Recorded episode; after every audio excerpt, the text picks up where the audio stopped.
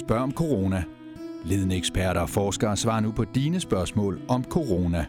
Det gør de fra kl. 18 til 19, og du kan stille dine spørgsmål på Facebook, på sms til 4040 40 25 32, eller ved at ringe til 35 86 67 90. God aften og velkommen til Spørg Direkte.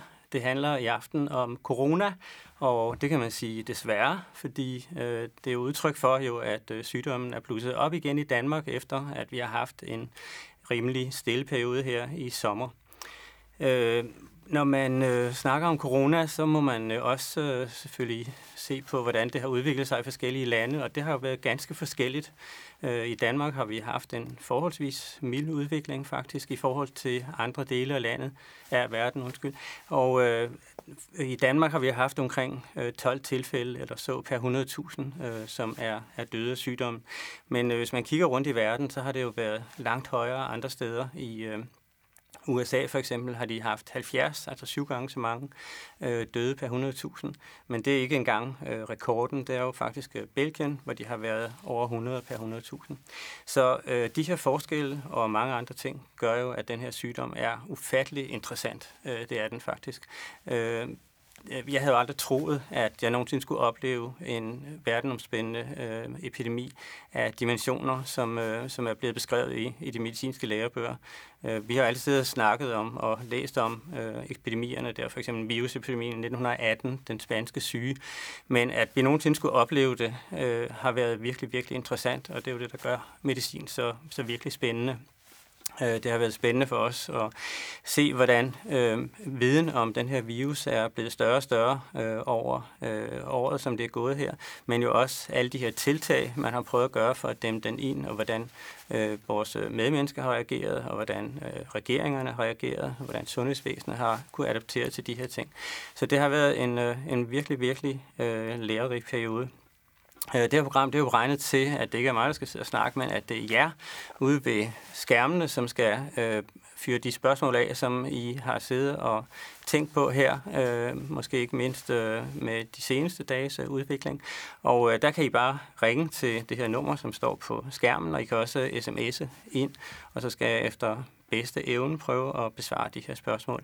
Og når jeg siger bedste evne, så er det fordi, at, øh, det var faktisk nemmere at køre de her programmer i foråret. Der var simpelthen ikke så meget viden om den her virus. Øh, jeg kan huske, at da vi sluttede i, i april, tror jeg det var, var der 3.000 artikler på det, der hedder PubMed, som er øh, det amerikanske nationale biblioteks øh, database over medicinsk litteratur.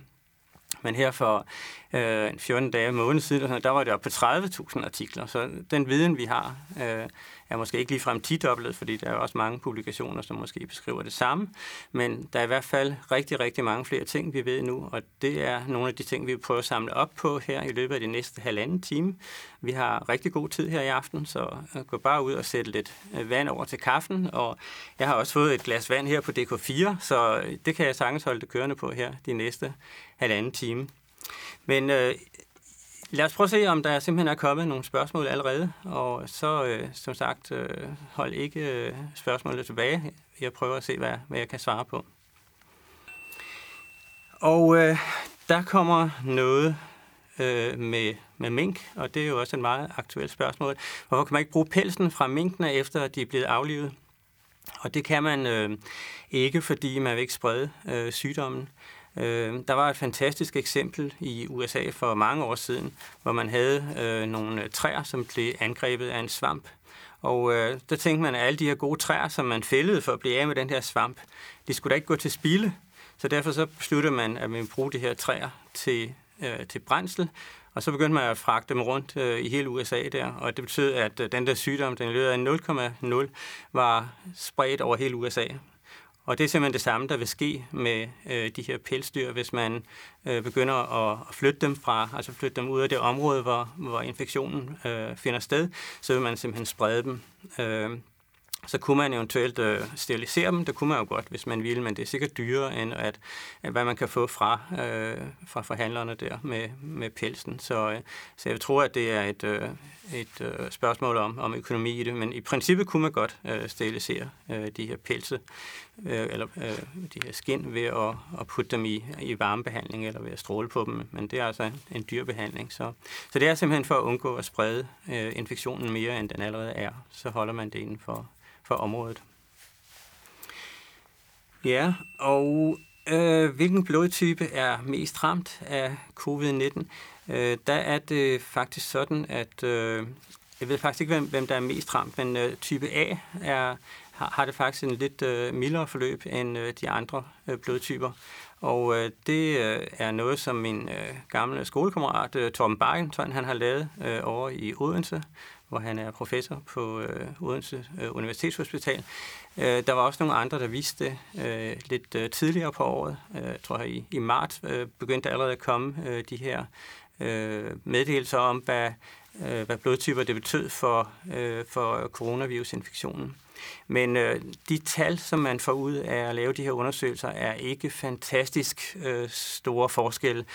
Det er sådan, at øh, at øh, det er, er noget med en, altså en, en 10-20 procent eller sådan noget forskel øh, på type A og de andre blodtyper.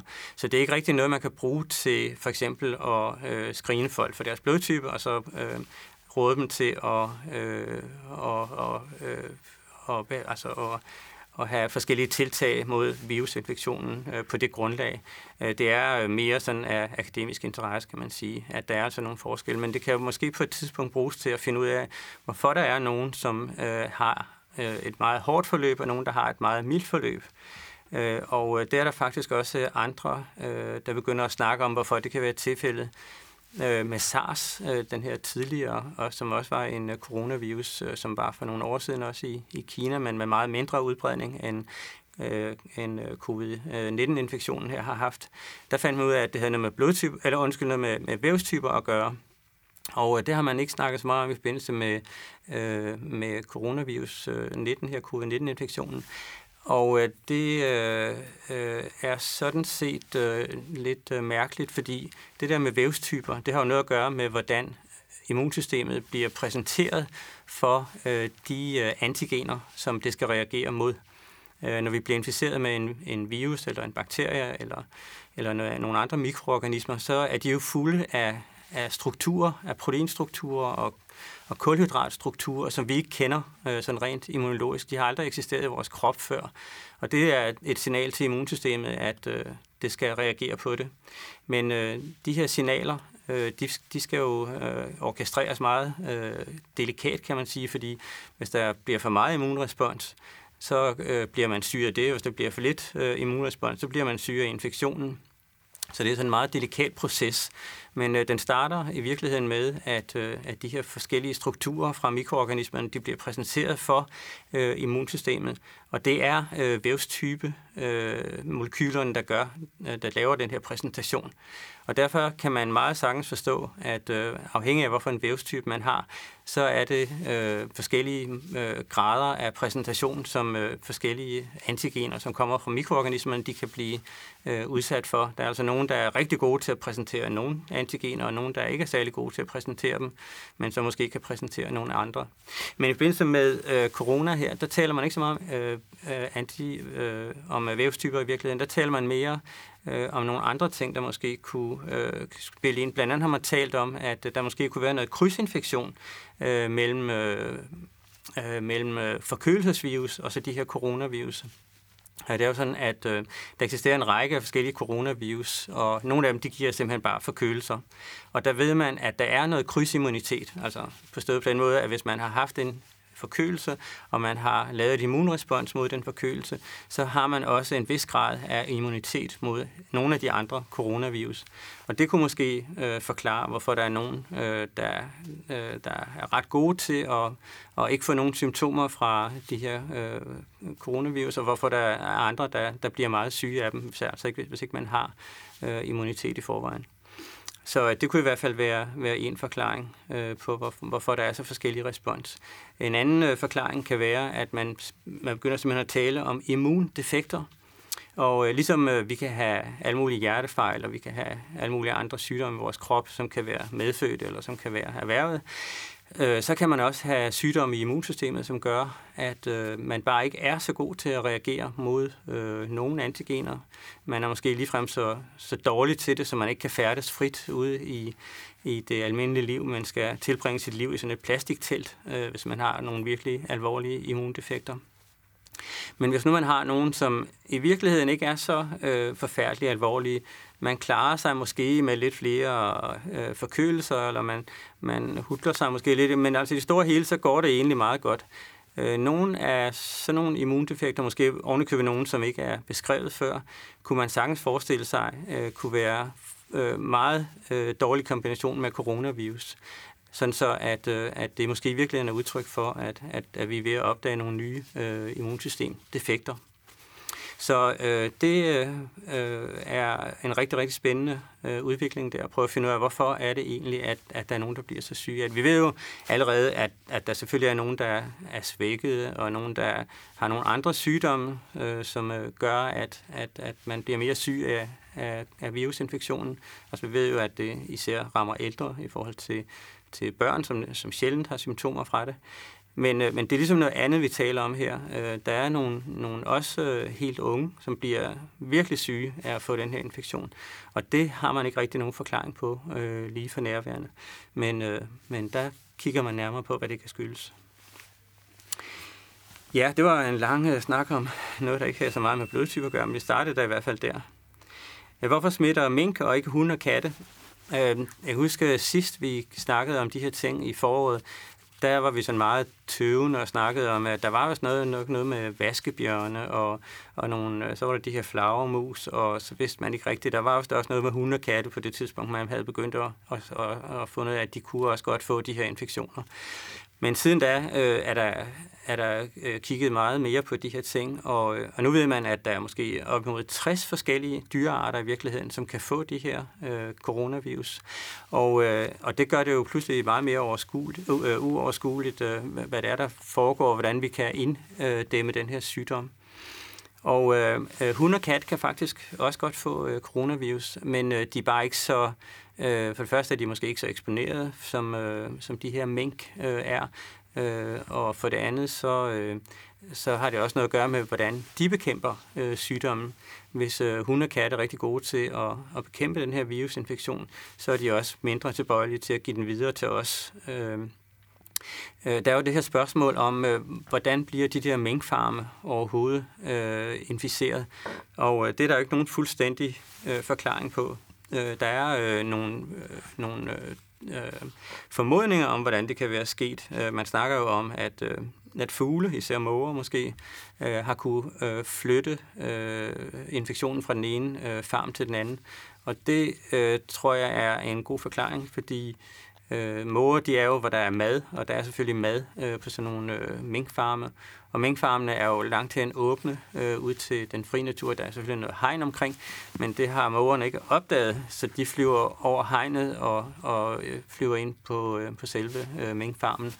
Og øh, minkfarms øh, ejerne har øh, godt været klar over, at der har været et problem der, og har så prøvet at skræmme mågerne væk med forskellige øh, midler, patroner og gas og sådan nogle ting. Øh, men jeg tror, at det kunne sagtens, sagtens, sagtens være en, øh, en måde, som det kan blive spredt rundt på. Der er også nogle andre, som har snakket om, at, at, øh, at øh, det kunne skyldes øh, simpelthen luftborgen øh, infektion. Altså at virusen det simpelthen blæser fra det ene sted til det andet. Og øh, det vil sige, der vil jeg være lidt mere skeptisk faktisk, fordi øh, øh, øh, når, øh, når man taler om øh, sådan en vindborgen øh, infektion, det kender man jo faktisk godt fra øh, fra andre øh, husdyrsygdomme. Svinepest for eksempel øh, har nogle gange kunne, øh, kunne blæse rundt i landet på altså bare med, med, med vindoverførsel. Men, men det er forholdsvis sjældent, øh, og øh, når, jeg, når jeg tænker på, at, at, at øh, at, at med corona, der har ikke været særlig mange beskrevne tilfælde af folk, der er smittet øh, i fri luft. Det er faktisk overvejende indendørs, folk de bliver smittet med, med corona. Så tror jeg altså, altså, så, tror jeg altså at, at, øh, at jeg vil se det, før jeg tror det, om, om det kan være luftborgen så langt. Altså, over, altså der, er jo, der er jo langt mellem de der farme. Ikke? Der er jo... Øh, øh, altså kilometervis af, af, af afstand, og at det skulle kunne blæse rundt på den måde, uden at blive øh, øh, inaktiveret af, af sol osv. osv. Det, man skal jo tænke på, at det, det her i sommer, det formentlig er, er sket. Øh, det vil jeg altså have min tvivl om. Der, der har jeg langt mere øh, held mod, mod, mod mågerne der. Så. Men øh, øh, mink øh, smitter, og, øh, og hunde og katte smitter nok ikke så meget, fordi de øh, øh, dels som sagt ikke er så eksponeret, måske i virkeligheden også er bedre til at, at bekæmpe infektionen, og det sidste er ikke noget, jeg overhovedet ved noget som helst om. Men øh, der er meget få tilfælde beskrevet, hvor, øh, hvis overhovedet nogen, hvor, hvor patienter er blevet smittet af, af deres husdyr. Så, øh, så der er store artsforskelle, øh, og, øh, og det er jo det, der, der kendetegner de her virus og deres øh, mutationer. Øh, når de muterer, så kan de jo tilpasse sig nye arter. Og øh, jeg ved ikke, om vi skal tage den med det samme med, med mutationerne i, øh, i mængden her, øh, men det er jo det, der har skabt det helt store øh, øh, rammeskrig her de sidste par dage. Og, øh, og hvis vi lige skal forklare, hvorfor det egentlig er, øh, så er det jo som sagt sådan, at øh, tit er det, er det jo sådan, og det kender vi for eksempel fra influenza, når influenza flytter sig fra grise til fugle til mennesker osv., så sker der øh, tit øh, mutationer i, i virusen der, som gør, at det er, er bedre øh, tilpasset den nye vært.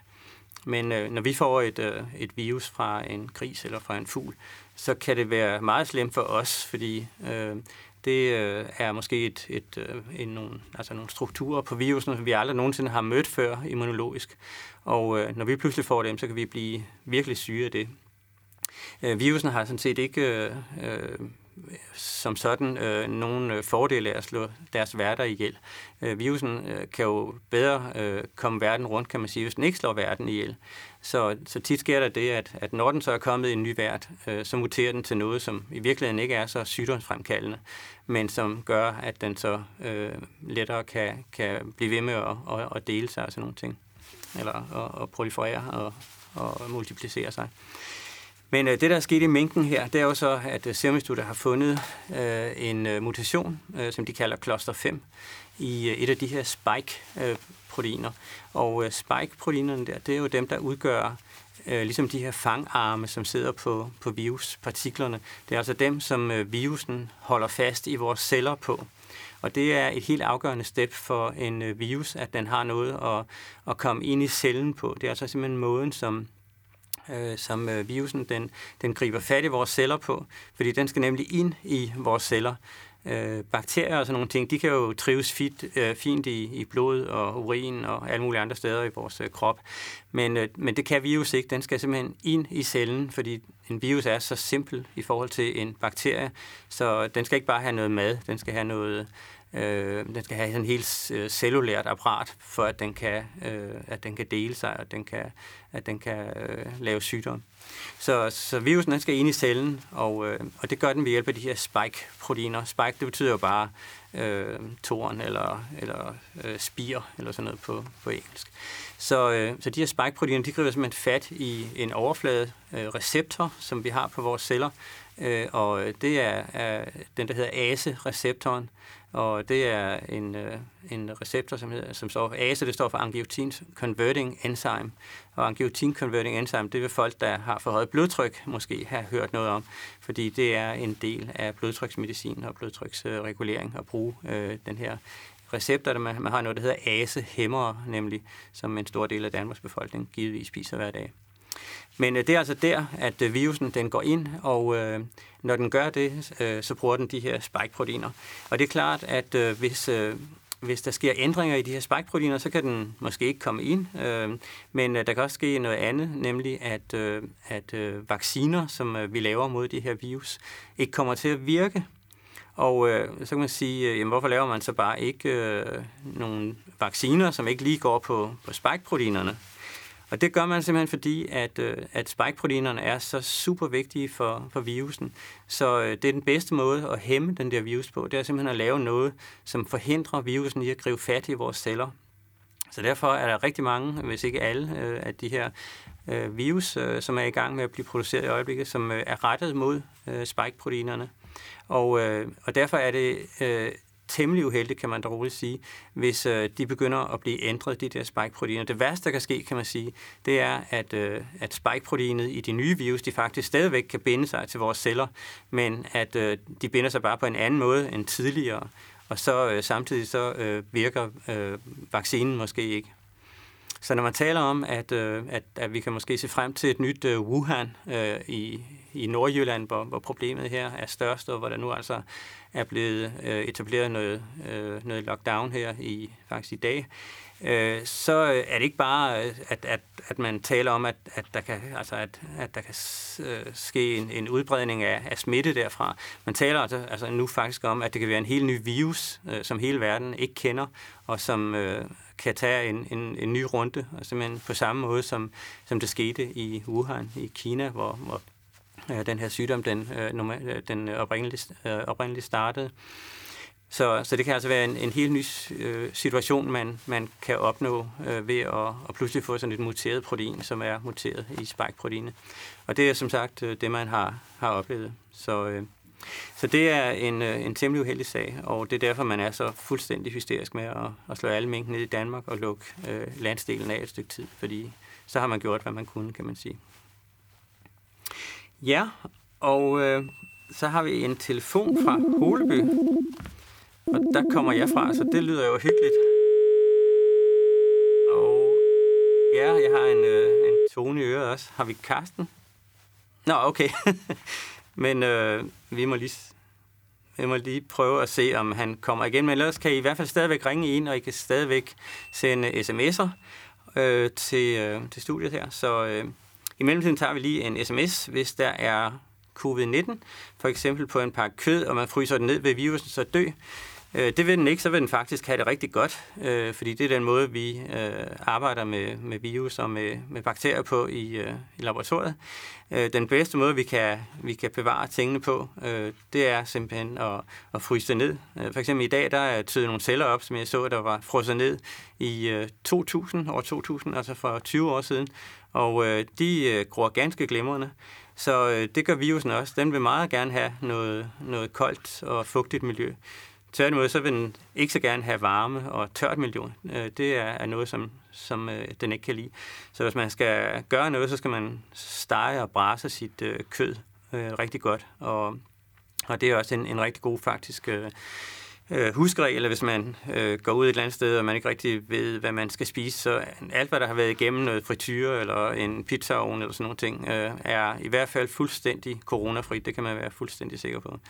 Øh, hvad der så er sket efter, at det er taget ud af ovnen eller frityren eller sådan nogle ting, det kan man jo ikke sige. Men i hvert fald, når det kommer ud af, af sådan en behandling der, så kan man være fuldstændig sikker på, at det er fuldstændig sterilt. Der er også ikke noget, der overlever sådan 160 grader øh, øh, frityre eller, eller hvor varmt det er. Det er vist det omkring, tror jeg. Så, øh, så øh, nedfrysning, det er den bedste måde at bevare virusen på. Det skal man ikke gøre, og satse på, at det så er, er, øh, er, er, er rent, når det kommer ud igen der. Ja, og øh, så har vi en SMS, mere. øh, SMS mere. Øh, hvorfor er der så mange mennesker, der dør i Spanien og Italien, selvom de har brugt mundben? Og øh, det er jo sådan et, øh, et, øh, et, et godt spørgsmål til og god anledning til at begynde at snakke om de her mundben, fordi det er jo også en af de ting, der har ændret sig siden i øh, foråret. Øh, I foråret, der var der jo sådan en vis skepsis, kan man da roligt sige, omkring øh, de her mundben, og øh, det er der sådan set stadigvæk. Øh, Men man ved da trods alt lidt øh, mere om de her mundben. Øh, man ved for eksempel, at det er rigtig vigtigt at skelne mellem, øh, hvor man er, når man øh, taler om at bruge mundbind, er man i et øh, hospital, øh, hvor man modtager patienter, og hvor man øh, måske behandler patienter, som man ovenikøbet ved har øh, coronavirusinfektion, eller, eller taler man om, at man går rundt ud på, øh, på, øh, på gaden, og, eller på, på landevejen, eller hvor man nu går rundt, øh, og, øh, og, og, og, og taler om at, at, at bruge øh, mundbind der. Og det er to fuldstændig forskellige situationer. Og der er det sådan, at øh, hvis man kigger på, hvad WHO, øh, altså Verdenssundhedsorganisationen, siger i øjeblikket, så siger de, at, øh, at øh, i sådan nogle hospitalsettings, øh, altså hospitalssituationer, der skal man bruge øh, mundbind, og der skiller man også mellem, om øh, man laver det, der hedder AGP, det står for Aerosol øh, Generating Procedures, altså om man laver noget med patienterne, som genererer aerosoler, altså øh, vanddråber i, øh, eller støvdråber øh, i, i luften. Og hvis man gør det, øh, så har man nogle skrappere foranstaltninger, end hvis man ikke gør det. Og, og hvad betyder sådan noget øh, aerosol-genererende procedurer? Ja, det betyder for eksempel, hvis man, hvis man laver noget med, med, med patienternes luftveje, hvis man prøver at, øh, bare hvis man ventilerer dem for eksempel, altså hvis man, hvis man hjælper dem med at trække vejret, eller hvis man lægger øh, en øh, tracheostomi, som det hedder, altså en, en åbning her på halsen, hvor man øh, lægger et øh, rør ind i luftrøret, så man kan ventilere patienterne mere effektivt, end hvis man, hvis man gør det gennem munden, eller hvis man øh, også laver øh, bare en, øh, ja, alle, alle mulige ting, hvis man laver en bronkoskopi for eksempel, som er, betyder, at man kigger ned i, i øh, folks øh, luftvej, så taler man altså om de her aerosolgenererende procedurer. Og øh, der, der er nogle større krav til, hvordan man øh, skal bruge masker i den situation, og der er det øh, faktisk effektivt at bruge masker, det kan man, det kan man se. Øh, når man ikke laver sådan nogle aerosol-genererende øh, procedurer, det kan være, hvis man bare går rundt øh, med patienterne, og de trækker vejret selv osv., øh, så har man lidt, lidt, øh, lidt mere slækkede krav til, hvorfor nogle masker man skal bruge, men man skal stadigvæk bruge masker. Når man så kommer ud i samfundet, så øh, alt det her øh, øh, omkring masker og ikke masker, i virkeligheden så er det fuldstændig afhængigt af, hvor stor frekvens man har af sygdommen i befolkningen, og hvor stor øh, effekt man så kan forvente at have af at bruge masker. Og det er klart, at jo højere frekvens man har af sygdommen i øh, populationen, altså i, i befolkningen, jo, øh, jo større effekt har man også af at bruge maskerne. Og øh, øh, det er klart, at hvis, hvis man har en, en forholdsvis øh, ringe antal, øh, der, er, der er smittet i befolkningen, og øh, i øjeblikket der taler vi måske om, om en procent eller to, eller vi, vi bevæger os i hvert fald i, i det leje der, øh, så skal der rigtig mange øh, raske til, øh, før at øh, man kan begynde at tale om en effekt af masker. Øh, hvorimod hvis, hvis 10% af befolkningen eller, eller øh, 20% af befolkningen er smittet, så giver det, øh, så giver det bonus ret hurtigere, øh, at, øh, ret meget hurtigere, at, at øh, man begynder at, at, at sige til alle, at de skal bruge masker. Men øh, det her med, vask, med masker, det har faktisk været undersøgt øh, i nogle studier øh, her hen over sommeren, og det har været sammenlignet med nogle af de andre øh, tiltag, som øh, også har været anvendt øh, rundt omkring i forskellige lande. Og øh, det, man jo øh, har snakket meget om, det er sådan noget med at holde afstand, og det har noget med, at, og, øh, hvor længe man er sammen med, med kontakter, og det har noget at gøre med at vaske fingre og øh, de her ting, og, og hvor mange man er i rum og sådan nogle ting. Og hvis man, hvis man ligesom øh, sammenligner, der har, været, altså, der har været nogle ret øh, hæftige studier omkring det, så viser det sig, at, øh, at maskerne de kommer ikke ind på førstepladsen. Det gør de altså ikke. Øh, det langt det mest effektive, det er simpelthen at holde afstand og begrænse antallet af kontakter og, øh, og begrænse den tid, man er sammen med, med andre mennesker. Det er simpelthen de ting, øh, som tæller mest øh, i, i bundlinjen. Og når det er sagt, øh, så er det selvfølgelig også øh, øh, en, måske en forklaring på, hvorfor at der er så mange mennesker, øh, der dør i Spanien og Italien, selvom de bruger mundbind, fordi det er måske ikke den mest øh, øh, givetige parametre og, og, øh, og, og, og, øh, altså, og, og, øh, øh og pådutte eller og påtvinge befolkningen, fordi øh, øh, spørgsmålet er altså, hvor, hvor, hvor, hvor hyppig sygdommen er i befolkningen, og om den er hyppig nok til, at, øh, at det har en effekt så tror jeg, vi har forbindelse til Rigstelefonen hernede i, i Holeby. Okay. Er du med, Karsten? Ja, ja. Det var hyggeligt, ja. Hvad er, har du af spørgsmål til, til mig her? Ja, det har jeg da. Øh, jeg skal, skal slippe på de, på de danske landeveje. Ja. Og øh, jeg har ikke været på øh, øh, vejen i, i år, fordi jeg har, har ikke tur men øh, min, min ø- økonomi, den er sådan, at jeg er faktisk tvunget til at, at gå på landevejen til at, at foråret, fordi jeg bliver nok smidt ud fra mit, fra mit hus. Okay.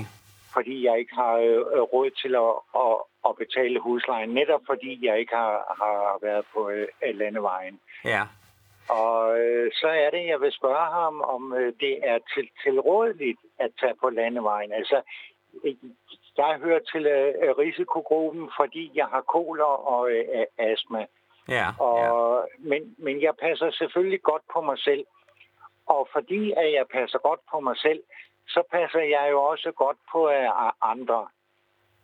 Ja, jeg vil sige, næste efter at mure dig inde i et lille værelse et eller andet sted, så vil jeg sige, at, at at gå udenfor i den friske luft, det, det er faktisk meget sikkert. Ja. Og øh, når jeg siger det, så er det fordi, at øh, der har været lavet studier, hvor man har kigget på, hvordan øh, folk, øh, som har fået den her coronavirusinfektion, at de i virkeligheden er blevet smittet. Og øh, det er selvfølgelig øh, et øh, kinesisk studie. De har virkelig styr på, hvordan deres kontakter er blevet smittet, og kan lave meget øh, omfattende smitteopsporing og har gjort det. Og der, der viste det sig, i, det er tilbage i marts, det her studie, jeg refererer til, at, øh, at ud af, jeg tror, de havde 3.500 øh, patienter i studiet, eller i, i studiet, ja, ja det, det er også et, et studie, ja, altså, men ja, ja. I, i undersøgelsen, øh, ud af de 3.500, der var faktisk kun en enkelt, som de kunne sige, var blevet smittet øh, udendørs. Resten, de var blevet smittet indendørs. Så, øh, så den her sygdom øh, er en sygdom, hvor øh, hvis man vil øh, begrænse sin, øh, sin øh, eksponering for den, så skal man begrænse den tid, man er øh, indendørs i små rum med mange mennesker, okay. øh, med dårlig ventilation, og, øh, og så tiden, man er inde i, i rummet. Ikke? Så altså, nu bor jeg øh, alene, ja. og øh, øh, i den tid corona har øh, været her, der har jeg slet ikke haft noget, øh, at der at der er hen, hentetider til det. Nej. Øh, øh, jeg har en øh, smal øh, mælkejunge, der er omkring 50 cm høj. Ja. Og så har jeg 8, 8 liter øh, etropropylalkohol. Hold da. som er jeg øh, øh, fylder op i, øh, i den mælke, mælkejunge her. Hold da, ja. Og når jeg ringer på øh, øh folk, folks dør, jamen så lægger de deres knive ud, og så tager jeg knivene og kommer i øh, denne her mælkejunge med øh, øh, etropropylalkohol. Ja. Og så sliver jeg dem. Ja. Og når jeg har slivet dem, så kommer jeg dem ned i, i igen i, i denne her mæl, mælkejunge. Og øh, så lægger jeg dem på øh, trappen og banker på. Og så øh, tager de knivene og, og øh, lægger pengene. Og så øh, tager, tager jeg selvfølgelig pengene. Ja. Og øh, på, på den måde sikrer jeg, at hverken de eller, eller, eller jeg bliver, øh, bliver smittet. Det vil jeg anse som en meget sikker metode, den du har fundet der i hvert fald. Ja, det kan du roligt køre på med, ikke? Det er helt sikkert. Okay. Det kan du det ikke gøre altså bedre. Sige, at jeg kan godt uh, gå, på, gå på landevejen til, til uh, foråret. Ja, det vil jeg helt klart gøre, Carsten. Og, uh, og der er også en anden ting, du skal huske på, det er, at uh, det er faktisk vigtigt at uh, være ude i frisk luft og i solskin. Åh, oh, det er dejligt. Ja, ja. så får du uh, noget gratis D-vitamin, som du ikke kan købe lige så godt på apoteket, ikke så? Jeg har slet ikke været be- berørt af den corona, mens den har været her. Og, jeg, og helt ærligt, så tror jeg, at i de 35 år, jeg har gået på øh, øh, landevejen, at jeg har opbygget en, en immunitet mod temmelig meget. Det tror jeg øh, også, ja. Fordi jeg får jo øh, øh, jeg får jo en, en, en masse bak, bakterier ind, når jeg går øh, rundt. Det er jo ikke hver dag, at jeg, at jeg møder i det, i det badeværelse. Det er helt sikkert, ja. Så øh, øh, jeg føler mig rimelig sikker, når jeg går derude. Ja, yeah. men øh, Carsten, jeg kommer til at ønske dig god tur, fordi øh, vi har to telefoner mere, som vi lige skal nå her. Så, øh, okay. øh, så øh, tak for det, du ringede, og, øh, og rigtig god tur. Ja, det er godt. Tusind tak for det. Tak skal du have. Kan det er du godt. Det kan du tro, ja. Det gør jeg allerede. Og, og, godt. Tak. Ja, og øh, så har vi en øh, sms her. Hvordan overvindes den store kløft mellem de videnskabelige artikler og de store mængder af vildledning og uvidenhed? Og øh, det er altid et rigtig godt spørgsmål, og øh, det kunne jeg sige en masse øh, om faktisk, fordi det er, betyder, at hele den her review-proces, man normalt er igennem med videnskabelige artikler, faktisk er blevet taget op til revision her. Øh, altså det her med, at, at fagfælder bedømmer hinandens øh, øh, værker der. Men øh, øh, der er det sådan, at, øh, at øh, oprindeligt så er det sådan, at, at, øh, at, at når man sender en artikel ind til et tidsskrift med en undersøgelse, man har lavet, så bliver den simpelthen bedømt både af tidsskriftet og også af andre specialister i området. Og øh, på den måde, så øh, hvis man holder sig til de, de gode tidsskrifter og, øh, og øh, de videnskabelige øh, artikler og sådan nogle ting, så kan man komme rigtig langt. Og der vil jeg faktisk øh, have lov at lige lave en henvisning til det, der hedder PubMed. Man kan bare skrive PubMed, P-U-B-M-E-D, på Google, og så kommer man ind på det nationale øh, bibliotek i øh, USA. Og der er cirka 30 millioner, øh, tror jeg, artikler i øjeblikket. Men der kan man altså finde øh, meget specifikt, hvad man, hvad man leder efter. Og så kan man øh, i hvert fald øh, tale bedre med på arbejdspladsen næste dag over frokosten, fordi hvis man lige har læst en artikel fra Lancet eller et andet, så er man rimelig godt kørende. Så, øh, så hold dig til øh, de, øh, de videnskabelige øh, tidsskrifter og de anerkendte øh, sites på, på internettet. Så har vi øh, en telefon igen, og det er Ole fra ja. Odense. Er det sådan, I siger det derovre? Det er rigtigt. Ja, ja, det er godt. Ole, hvad har du af spørgsmål? Jamen, øh, altså nu har man jo besluttet at slå alle mink ihjel i Danmark. Ja. Og øh, der er jo nogle familier, der har en fritte som et husdyr. Ja. Og jeg mener, at de er temmelig meget beslægtet. Ja. Øh, hvorfor siger man ikke, at, at det ville være en god idé, hvis de tog deres fritte og gik ned til dyrlægen ja. og fik den slået ihjel? Ja, det, det er et, øh, et, et godt spørgsmål, kan man sige. Der, jeg, jeg har sådan umiddelbart to ting. Øh, for det første, så du ved, der er meget medicin, hvor man tænker, at, at sådan må det være. Øh, og når så man undersøger det, så finder man ud af, at sådan er det overhovedet ikke. Altså, så, så, det, så, så faktisk ved, jeg ved faktisk ikke lige om fritter der, hvordan de øh, opfører sig over for øh, corona. Men øh, de behøver ikke at være, selvom de ligner hinanden, så behøver de faktisk ikke at være øh, så beslægtet, som man umiddelbart tror. Øh, den anden årsag er, at, øh, at øh, dyr, som man holder, øh, jeg tror fritter, dem holder man vist indendør, så vidt jeg ved. Ikke? Jo, det gør man vist nok. Ja, det Men, gør man vist. Hvis det er kommer ind og er smittet, så kan det jo gå over i fritten. Ja, Øh, men der kan man sige, at, at det er alligevel ikke øh, samme... Øh, altså, hvis, hvis øh, fritten ikke kommer, så kan det godt være, at fritten bliver inficeret, og familien bliver inficeret, men så kommer det ikke nødvendigvis videre, kan man sige. Det er ikke ligesom, øh, hvis du har en minkfarm, øh, hvor, hvor der så flyver måger fra, fra den ene frittespur til den anden og sådan nogle ting. Øh, altså, øh, nu er det så mink, vi taler om med minkfarm. Ikke? Men, øh, men der er det der med, at, øh, at dyrene er i øh, en familie, det gør en meget, meget stor forskel, både for eksponeringen, for den, den eneste måde, den kan blive inficeret på, det er faktisk gennem dens, øh, dens øh, vært, kan man sige, altså familien. Ikke? Ja. Og den eneste, den kan aflevere til, det er faktisk også familien. Ikke? Så, så på den måde, så, øh, så er det en meget, meget mindre risiko end øh, en, en, en minkfarmer, som i virkeligheden er forbundet med, med måger i virkeligheden. Ikke? Jo, jo, det kan jeg godt forstå. Ja. Jamen, så er det det. Ja, ja. Så jeg tror, du kan roligt, øh, du kan roligt klappe øh, frillen her i aften. Nej, jeg ikke. Altså, men du har ikke nogen? okay. Nej, nej. okay.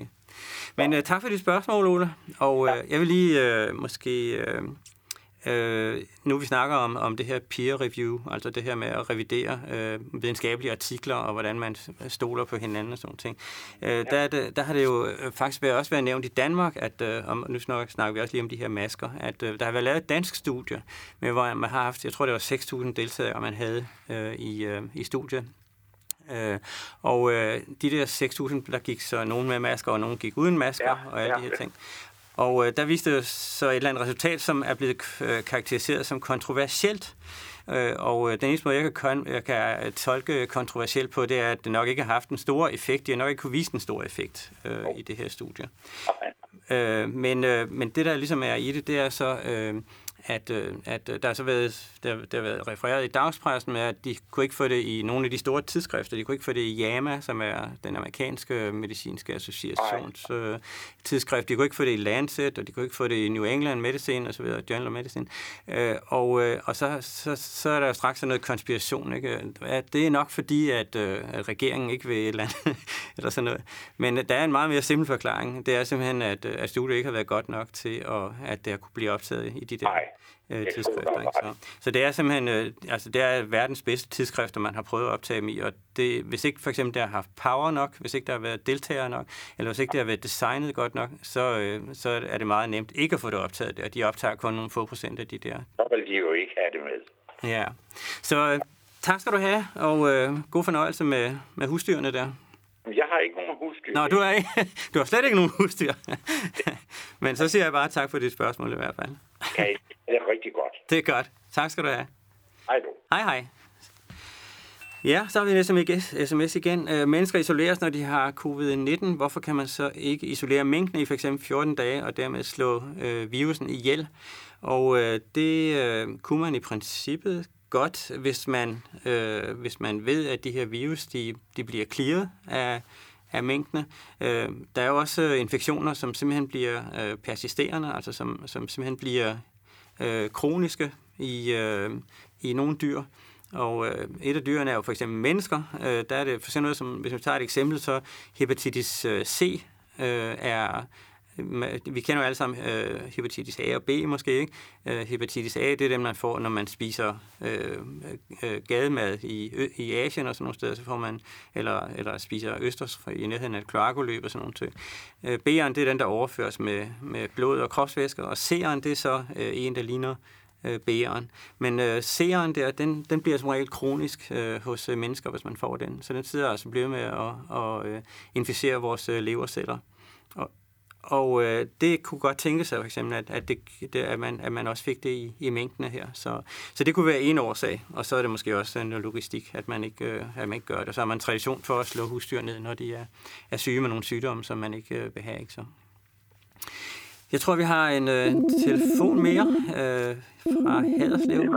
Er det rigtigt? Er det Tony? Tommy? Ja, det, hej Tony, hvordan går det? Det går godt. Det var dejligt. Så har du et spørgsmål, Tony? Jamen, det har jeg. Har et ja. spørgsmål om, at hvis man nu får den virus én gang, ja. og man så kan få den igen, det er også et fantastisk godt spørgsmål.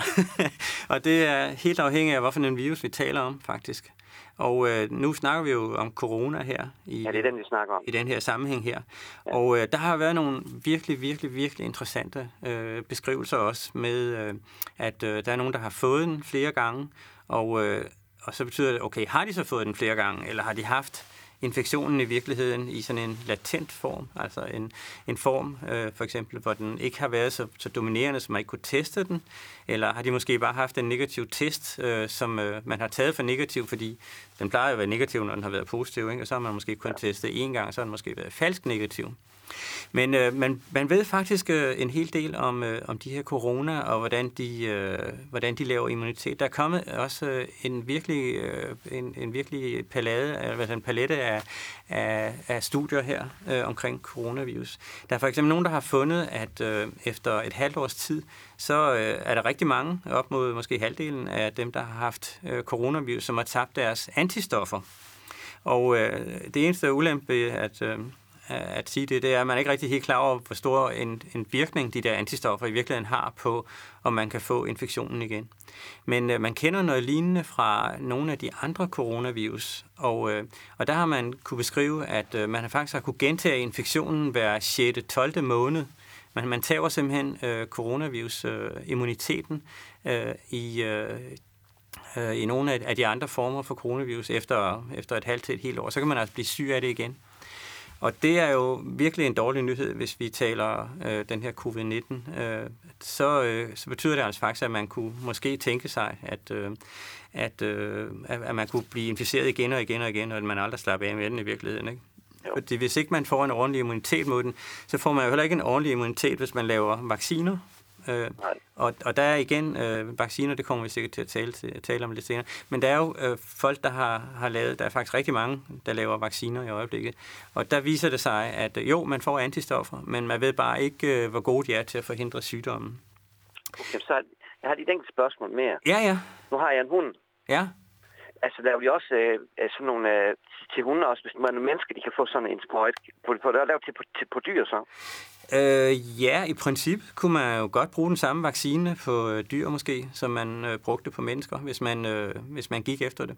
Øh, men igen, der vil jeg sige, at øh, husdyr er jo øh, noget mere beskyttet end, øh, end, øh, end, end farme, og, og, øh, og i virkeligheden også end, end vi er.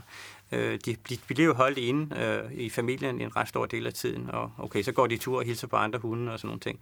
Men, øh, men langt hen, øh, så har de jo en, en faktisk en ret begrænset omgangskreds. De har virkelig sådan en omgangskreds, som, øh, som Sundhedsstyrelsen jo anbefaler, man har, altså med nogle ganske få nære kontakter, fordi det er sikkert de samme hunde, de møder hver dag, når de går tur. Øh, fordi... vi, har, vi har sådan en hundebane, hvor den er derovre, hvor den render bare selv, du ved, så en gang ja, ja. kommer der en enkelt hund. Ja, ja. Ellers er den kun i kontakt med min far og mig, så ja, ja. jeg ikke kontakt med nogen. Ja, så det er jo, det er jo også en rigtig god måde at, Ja. og, og holde, øh, holde øh, stand på, kan man sige, fordi øh, man skal jo både være eksponeret og kunne give det videre på en eller anden måde, øh, hvis man hvis man skal regne med, med, at det er et reservoir for de her virus. Ikke? Så. Jo.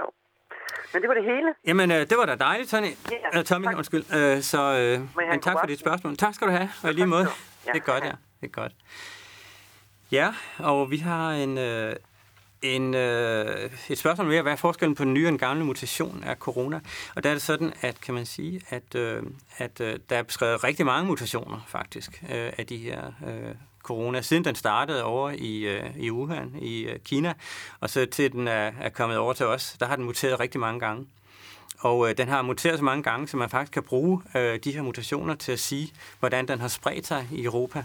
Fordi når først en mutation øh, er introduceret i, øh, i virusens øh, RNA, så betyder det, at, øh, at, at den, den bliver der, og så kan man altså sige, okay, første gang vi så den ændring, der var lige i, øh, i arvematerialet der i virusen, øh, da den kom til Hamburg, øh, den har vi også i, i København. Okay, så er den simpelthen gået via Hamburg til København, for eksempel. Øh, så der er introduceret rigtig, rigtig mange øh, int- øh, øh, hvad hedder det, mutationer der, men øh, den, som, øh, som øh, der bliver spurgt om i SMS, sms'en, det er jo givetvis den, som øh, har noget med, med mink at gøre. Og den er også lidt mere interessant øh, end de andre mutationer, fordi den er i en meget kritisk del af virusen, nemlig i den del, som øh, binder sig til vores celler, og som er en meget afgørende del for, at øh, virusen den kan øh, inficere vores celler og, og komme videre, øh, dele sig, og, og vi kan sprede den videre. Så derfor er det en mere interessant mutation. Der, der kan altså være mutationer, som ikke rigtig betyder noget i det store sammenhæng, og så kan der være nogle mutationer, som er virkelig, virkelig kritiske. Og øh, når, der, når der sker mutationer i de der virkelig, virkelig kritiske regioner af, øh, af virusen, så er de mere interessante. Og det er øh, faktisk øh, det, der er sket i den her sammenhæng. Og konsekvensen var, som vi lige nævnte, at, øh, at det kan godt være, at øh, den i virkeligheden stadigvæk kan inficere øh, mennesker, men det kan også være, at øh, en øh, vaccine, som hele verden har arbejdet på her næsten det sidste år, ikke kommer til at virke på lige præcis den variant. Så det er derfor, man går virkelig hårdt ind øh, på at øh, få inddæmmet den her mutation, den her virus med den her mutation, så meget som man overhovedet kan. Så, så har vi øh, en øh, telefon igen her, ja, og det er, tror jeg, Arne. Er du med, Ja. Arne? Hej, Arne. Hej. Hej. Hej. Så øh, hvordan går det nede hos dig? har, du, har du et spørgsmål, der du har tænkt over? Ja, jamen det har jeg. Ja, ja. Jeg har undret mig over, at man jo har set langvarige sygeforløb. Men øh, det ser jo ud som om, at hvis man er præsident i USA, så kommer man over sygdommen på under en uge. Ja, Har han i hele taget nogensinde været syg? ja. Eller er det fake news? Øh, ja. ja, øh, jeg vil sige, øh, nu har jeg ikke øh, testet øh, øh, Trump personligt selvfølgelig, men øh, jeg vil sige, at øh, der har været så meget ballade omkring det, så han har givetvis øh, været syg. Det er jeg overhovedet ikke i tvivl om. Øh, fordi øh, der var jo en, en helt øh, anden og tredje bølge, hvad ved jeg, i, i Hvide Hus der. Så det har de haft rigtig meget øh, ballade med, det er der slet ikke nogen tvivl om. Øh, Ja. Men du nævner en, meget anden, en anden meget, øh, meget interessant ting faktisk. Hvordan kom han så hurtigt over det? Og, Ja. ja. og der kan man sige, okay, det kan være, at han bare øh, kom hurtigt over det, fordi at, øh, det er der nogen, der gør. Øh, der er faktisk nogen, øh, som slet ikke får nogen symptomer, øh, og det er måske øh, op mod halvdelen i virkeligheden, som ikke får nogen symptomer. Det er også lidt forskelligt, hvad man ser fra undersøgelse ja. til undersøgelse. Men øh, man skal også lige huske på, at... Øh, at han har givetvis fået øh, den allerbedste behandling, som man overhovedet nogensinde kunne forestille sig at give noget personligt. Han er super, super Ja, vigtig. han er nok blevet pumpet godt. Han er blevet pumpet godt, ikke? Og jeg kan fortælle dig nogle af de ting, han fik. Øh, han fik selvfølgelig Remdesivir, øh, som er øh, den her eneste medicin, som man har vist har nogen som helst effekt mod, øh, mod coronavirus. Så, Ja. så fik han også øh, nogle antistoffer, og det har sikkert været nogle, øh, det man kalder hyperimmune antistoffer, altså antistoffer, som er rettet specifikt mod øh, virusen der. Øh, og det var et øh, firma, som, øh, som lavede de der antistoffer til ham. Det koster vel også en bundegård, hvis jeg skulle have. Ja, det gør det helt sikkert, men det er jo ikke noget problem. Han har givetvis en god sygeforsikring, så det, det betyder nok ikke så meget. Men så den ja. sidste ting, han fik, øh, øh, han fik, eller sidste ting, han fik selvfølgelig ilt, ligesom alle andre. Han havde jo faktisk rigtig svært ved at trække vejret på et tidspunkt. Ja. Men han fik også øh, kortison, eller binyrbarkhormon, og øh, det fik ja. han, øh, fordi at, øh, at i de øh, lidt mere alvorlige tilfælde, og det var faktisk et lidt mere alvorligt tilfælde, uanset at man ikke vil give indtryk af det, og det er jo sådan noget sikkerhedspolitik og sådan nogle ting, at man ikke vil give indtryk af, at statslederen er syg. Ikke? Øh, ja. Men han var faktisk øh, rimelig dårlig, og øh, der fik han så også, øh, som sagt, øh, kortison, som er det her binyrbarkhormon, og som man altså giver til øh, personer, som er, er altså øh, sådan øh, halvhårdt til, til hårdt ramt. Ja. Så han har, han har fået hele cocktailen. Han har fået øh, virkelig så, så hatten passet der. Og øh, så er der selvfølgelig straks nogle, øh, nogle øh, øh, genier her i Danmark, som går og siger, ah, men det er ikke standardbehandling. Nej, øh, det er det ikke. Og øh, svaret er, at, øh, at, øh, at det skulle det måske være i virkeligheden. Ikke? Hvis alle havde de samme øh, muligheder for ressourcer og for behandling, som, øh, som Trump han havde, så var det måske i virkeligheden standardbehandling. Så, så man skal ikke, lige i den der sammenhæng, tror jeg ikke, man skal rynke på næsen af den behandling, han har fået. Jeg tror, han har fået det, jeg vil kalde state of the art. Jeg tror, han har, han har fået alt, hvad man overhovedet kunne forestille sig, og som det kunne trække. Og det kunne kunne sagtens være, at, øh, at det var årsagen til, at han i virkeligheden øh, klarer sig så godt og så hurtigt. Men det ja. kan også være, som, øh, som jeg sagde der, at han bare har været øh, heldig og ikke har haft en, øh, en infektion, som har, har bidt så hårdt på ham. Ikke? Men han var jo faktisk rent faktisk, øh, var jo rent faktisk medtaget. Som, ikke? Så. som ældre har man jo også et immunsystem. Det er nemlig rigtigt, men, ja. Men omvendt, så bliver vi også antaget for at være i risikogruppe. Ja, og det er jo med, med god grund, kan man sige, fordi øh, hvis man ser på, øh, hvem der, der dør af den her sygdom, så er det jo overvejende øh, ældre, og det er overvejende folk med, med kroniske sygdomme. Så, øh, og det kan man da roligt øh, sige øh, om, øh, om, øh, om Trump. Der. Han er i hvert fald ældre, og, og man også har en kronisk sygdom. Han er jo i hvert fald også øh, overvægtig, og der tror jeg Pelosi, der, som er demokraternes øh, Øh, jeg kan ikke huske, hun er, men øh, øh, ja.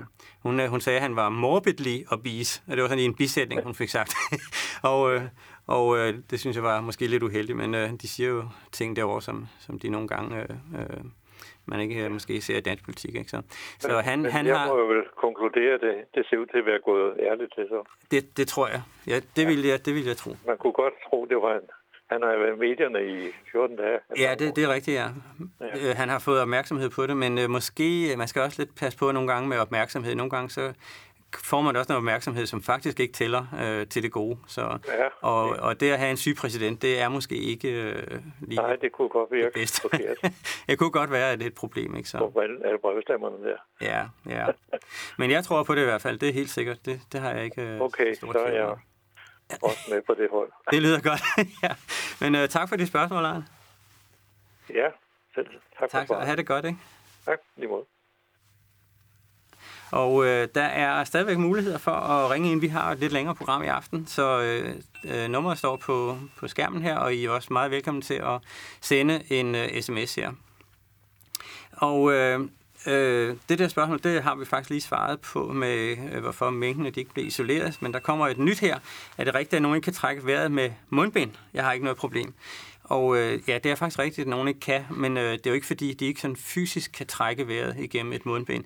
Det er, har jo noget at gøre med, at hvis man har nogle, øh, nogle øh, psykiske problemer, for eksempel, eller hvis man, øh, altså hvis man føler sig indespærret i sådan et, øh, et mundbind, eller øh, hvis man af andre årsager altså har, øh, har svært ved at gå med mundbind, så kan man faktisk godt blive øh, fri for det. Øh, øh, så et sted, øh, at, øh, at der var nogen, der advarer mod, at øh, inden man slap sin indre politibetjent fri, så skulle man altså lige være opmærksom på, at der er faktisk øh, situationer, øh, hvor man ikke er øh, ikke har krav om at, at, at bære mundbind. Øh, det er rigtigt, de fleste, langt de fleste har ikke noget problem, og det er jo sådan, at mundbind de er lavet. Øh, mundbind består jo af en rigtig mange forskellige, altså mange øh, lag af, af tyndt stof og tynde fibre. Øh, der er nok sådan en øh, 18-20 forskellige lag i, øh, i sådan et mundbind, og øh, det er jo netop designet til, at man kan trække vejret øh, relativt øh, øh nemt gennem sådan et, et mundbind, men at det samtidig øh, fanger en stor del af partikler og aerosoler og sådan nogle ting, der, der kommer igennem. Så øh, øh, så der er, øh, der er altså undtagelser for, at, øh, at man kan trække, at man kan, øh, at, man, at, man, at der er krav om, at man skal bære mundbind. Det er der faktisk. Så. Vi har en øh, telefon her, og det er øh, Nils fra Viby, står der her på skærmen. Så. Det er fuldkommen rigtigt. Er det rigtigt, Nils? Jeg på det nu. Ja, ja. Velkommen til. Ja. Altså, øh, i omkring april, der var der en masse snak om superspreder. Vi fik at vide, at det var stort set det vigtigste overhovedet.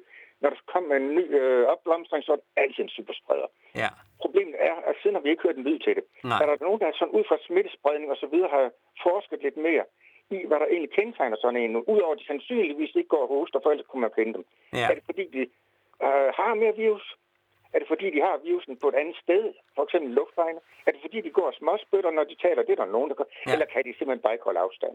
Ja, det er, det er måske en kombination af alle ting, men en af de ting, jeg har set, det er faktisk, at øh, der var nogen, der havde undersøgt øh, folk, der nyste og talte og sang, og, altså, altså hvor, hvor man kort sagt øh, brugte øh, luftvejene til det ene og det andet. Ja. Og der havde de fundet ud af, at de der superspredere, at de spredte faktisk 100 gange flere partikler end øh, andre gjorde.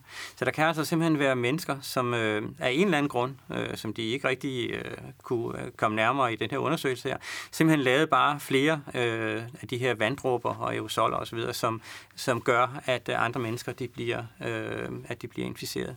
Og, øh, øh, men der kan sikkert også være andre årsager. Men det der, det, det er faktisk en meget interessant øh, ting.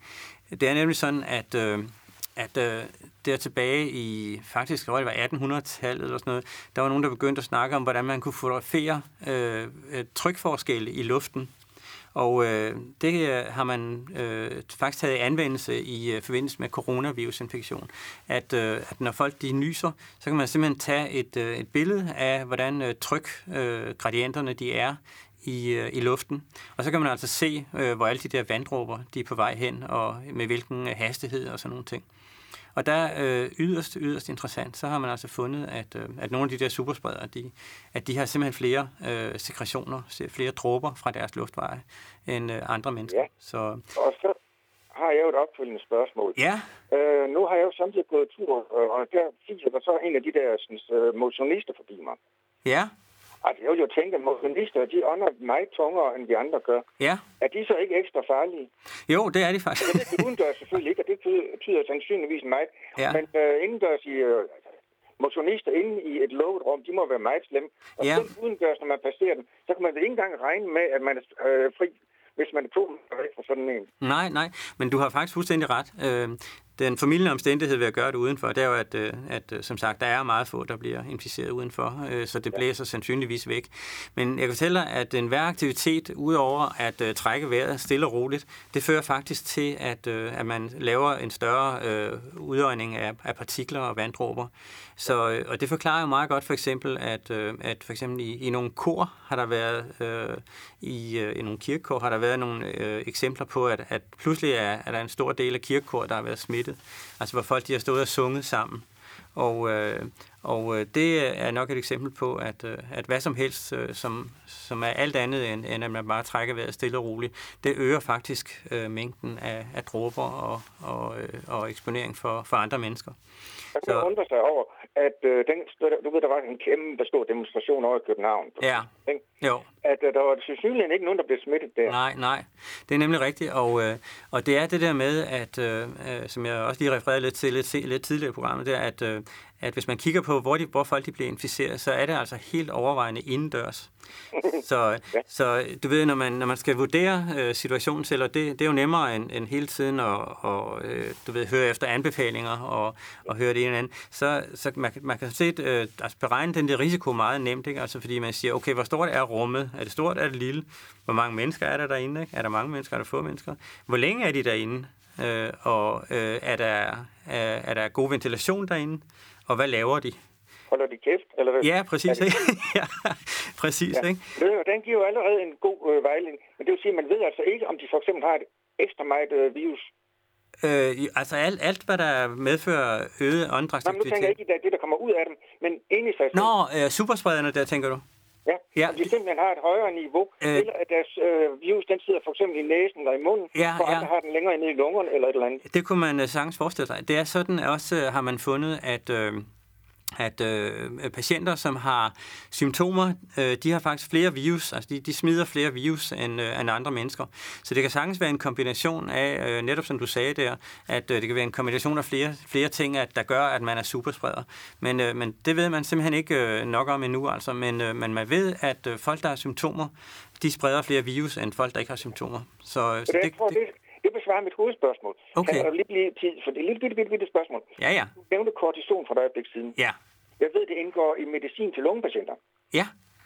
Øh, jamen, skulle man så ikke synes, at øh, de folk, der rendte rundt og fik sådan nogle øh, sprøjter, eller hvad den de der pif, øh, eller, som de bruger, burde de så ikke være mere eller mindre sikre mod at få alvorlige symptomer? Der er noget, der ikke hænger sammen der, er det Jamen, det er godt øh, at blive fanget på det, på det forkerte ben. Det er sådan, at... Øh at corona, øh, det har jo sådan et forløb, du ved, hvor det først øh, det kommer ind og inficerer kroppen, så kommer der et immunrespons, og så som regel så øh, klarer det der immunrespons at nedkæmpe virus, og så bliver man så rask igen. Men der er så nogle øh, patienter, de overgør ligesom den her proces. De starter immunresponset, ja. men så kører ligesom løbsk, øh, så får de altså øh, noget, der hedder en cytokinstorm, og de får sådan en generel aktivering af deres immunsystem. Og det er i den fase, at, øh, at øh, kortison er rigtig godt. Det er faktisk okay. ikke så godt øh, øh, i begyndelsen. Så derfor så, når man bruger kortison, så gør man det i den sene fase af infektionen. Man, man gør det faktisk ikke i, øh, i den tidlige fase af infektionen. Ja. Så, øh, så på den måde, så kan det være en ulempe faktisk at være i behandling med kortison, øh, lige når man bliver inficeret. Lungesyg, ikke? Ja, ja. Men ved du hvad, jeg tror faktisk, det besvarer mine spørgsmål. Jamen ellers... Og så vil jeg da sige, at øh, den her udsendelse, den er noget med informativ en tv-aviser. okay. Men tak, der er i hvert fald en ting, som er i hvert fald ind, vi burde aldrig nogen sammen, sammenligne lande eller noget, uden at sige, ud af hvor mange de tæller, altså ud af 100.000 eller ja, noget. Ja, præcis. Ikke? Ja. Det er en øh, dødssynd, at de ja. ikke kan lære det. Og, og nu Nå, vi er ved det, ja, faktisk, øh, inden, du, inden du løber, Niels, der, så inden vi, mens vi er ved det, så en anden ting, man aldrig burde øh, sige noget om, øh, uden at nævne øh, en anden ting, det er jo, at vi, vi ser jo hele tiden, at nu der er 800, nu der er 900, nu der er, øh, jeg tror, der var 1300 i dag, som har været det næste højeste, eller sådan noget, øh, nye øh, tilfælde. Men igen, øh, det man glemmer at sige, det er jo, jamen, hvor mange har I testet?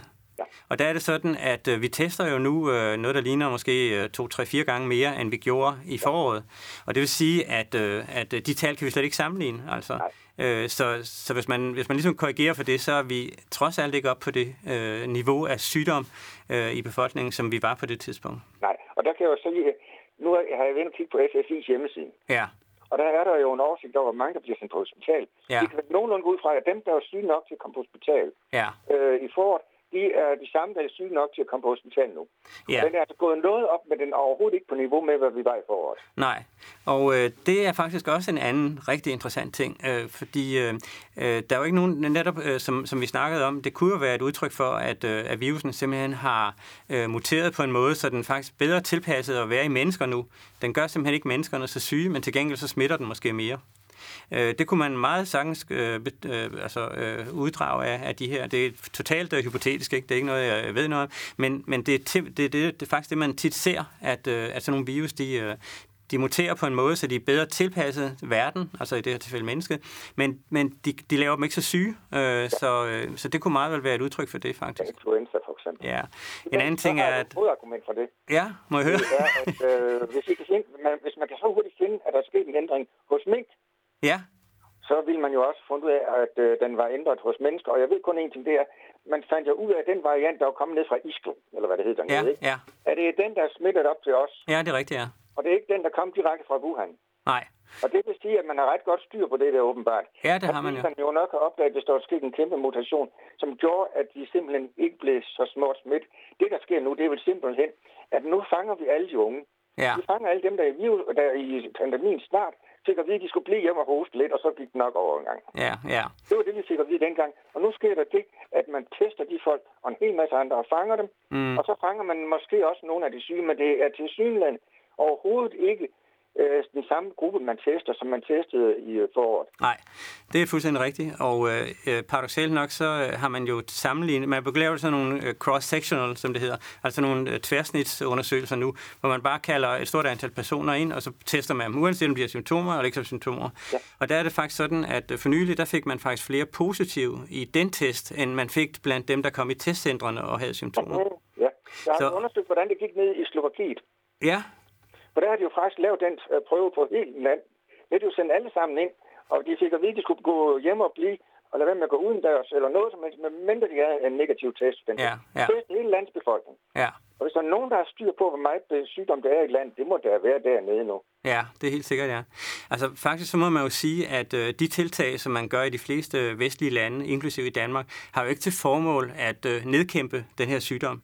Altså man må ikke tro, at, øh, at, øh, at de her øh, øh restriktioner, man gør, at, at der er ikke nogen, der tror på, at, at det gør, at så så forsvinder sygdommen. Altså, det, man, det man gør, det er, at man, man, øh, altså man, man laver de restriktioner, så man kan følge med i sygehusvæsenet, og så man kan undgå at lege kølecontainere til, til døde øh, mennesker og sådan nogle ting. Ikke? Altså, det, det er jo det, man gør. Hvis man, hvis man virkelig gik ind og sagde, okay, vi skal simpelthen udrydde den her sygdom i Danmark, jamen, så er der ikke andet at gøre, end at teste hele Danmarks befolkning på øh, en weekend eller et eller andet, og så øh, spærre alle dem inde, som er syge, og så gør det igen øh, næste uge, og så gør det igen næste uge. Og det har de faktisk gjort i øh, andre steder. I Kina for eksempel. Der var 11 tilfælde i en eller anden øh, by, som jeg ikke kan huske, hvad hedder.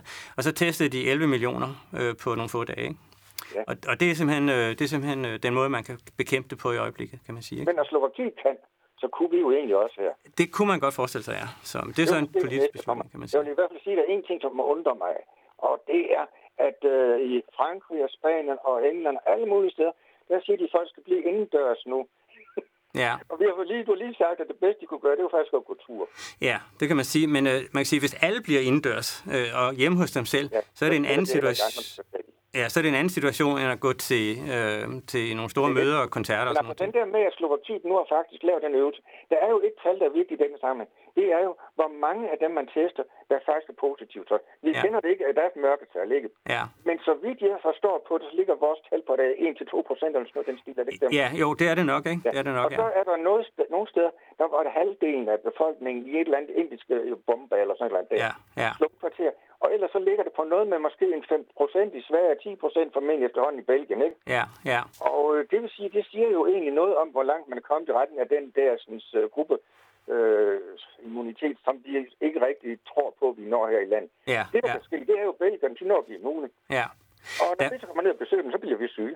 Ja, ja. Der er jo faktisk også en anden, altså måske lige for øh, at slutte den her øh, diskussion af med, ja. med immunitet, men der er jo faktisk også en anden ting, og det er jo, at øh, hvis man sådan ser historisk set på øh, sådan nogle store epidemier og sådan nogle ting, så på et eller andet tidspunkt, så dør de jo simpelthen ud, altså.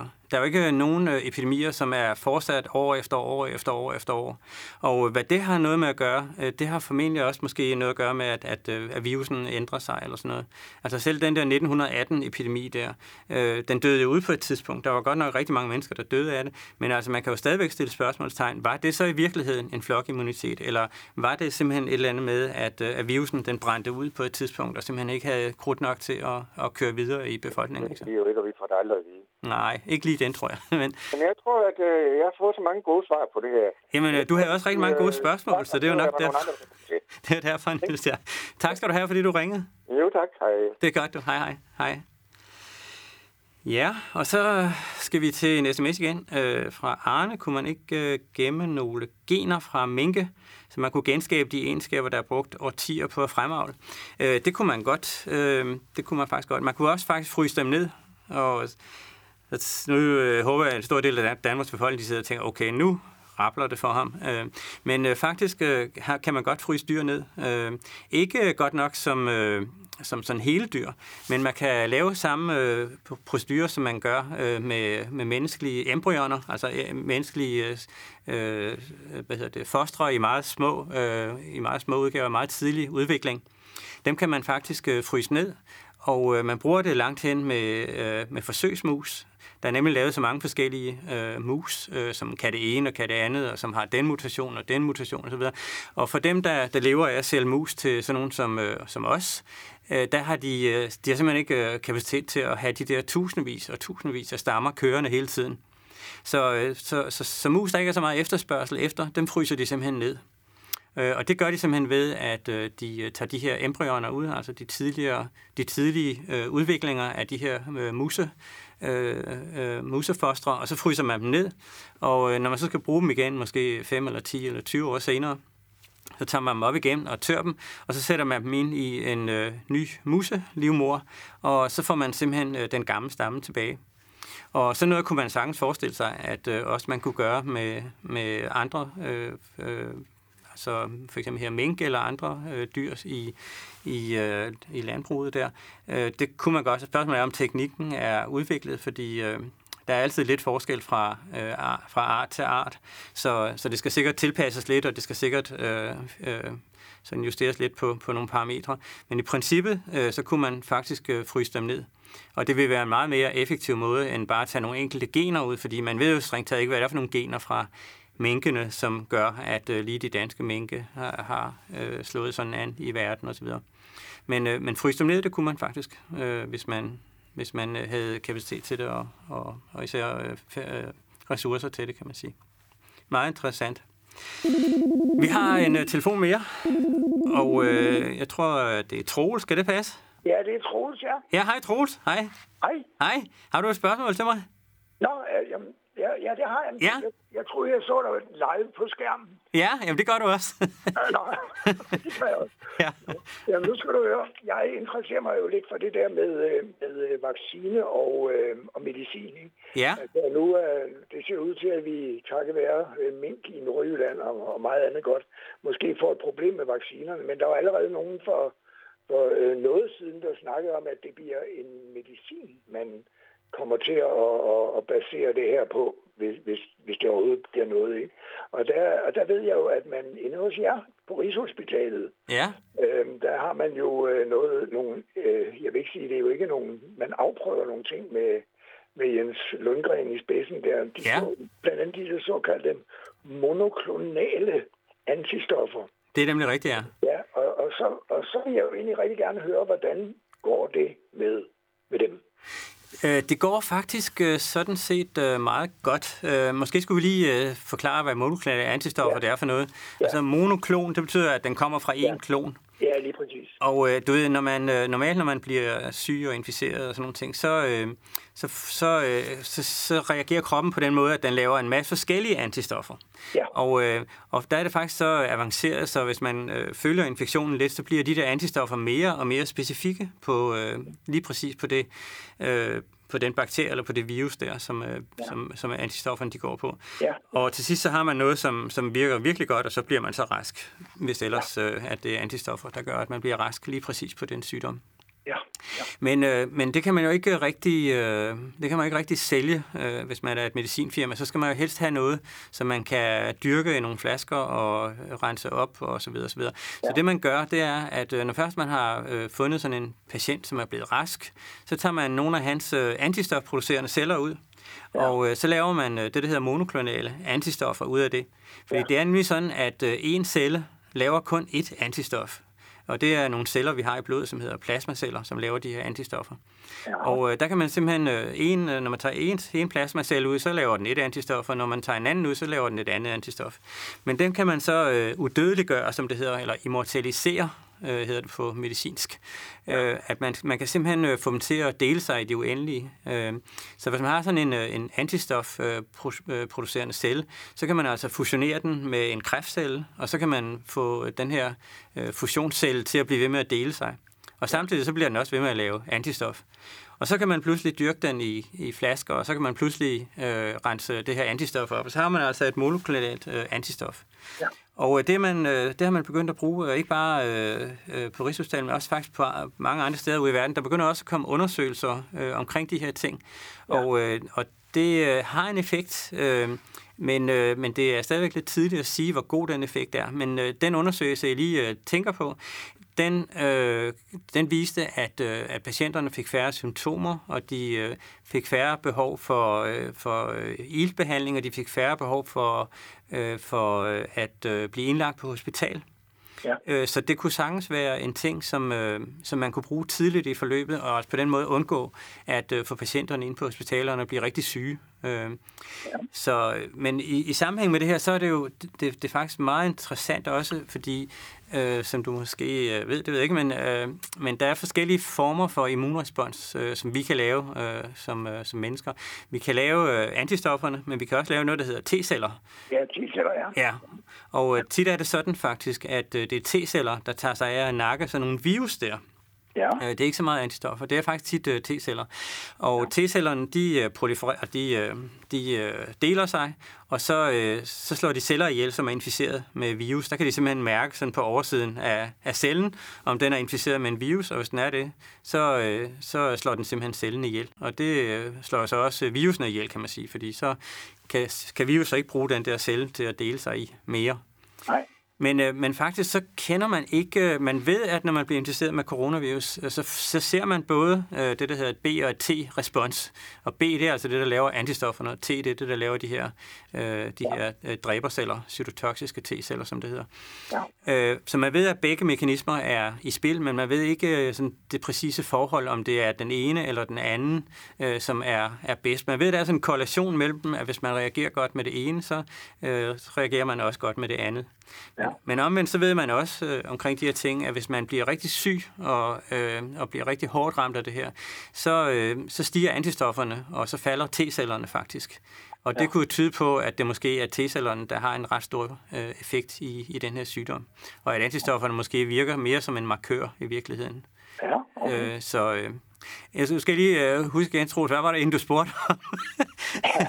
jamen, jeg, jamen, jeg spurgte jo bare om, hvor langt man egentlig var. Nå ja, ja, ja, okay. Jamen, det fik jeg da så heldigvis svar på. Det er, ja, ja, det er altså... Jeg svarede også på noget, nemlig jeg vil også gerne spørge, om der også er andre, andre ting, man, man forsøger i den retning, og det er der jo så, kan jeg høre, ikke? Ja, ja, det gør man bestemt, og, og det har altså vist en klinisk effekt der, så, så det ja. er rigtig fint. Så. En, en, en, en anden ting, hvis jeg må spørge om en ting mere, ikke, det er jo selvfølgelig omkring den der øh, øh, vaccine, som man jo kæmper med mange steder i verden, og flere, der er mange spillere alt det der. Ja.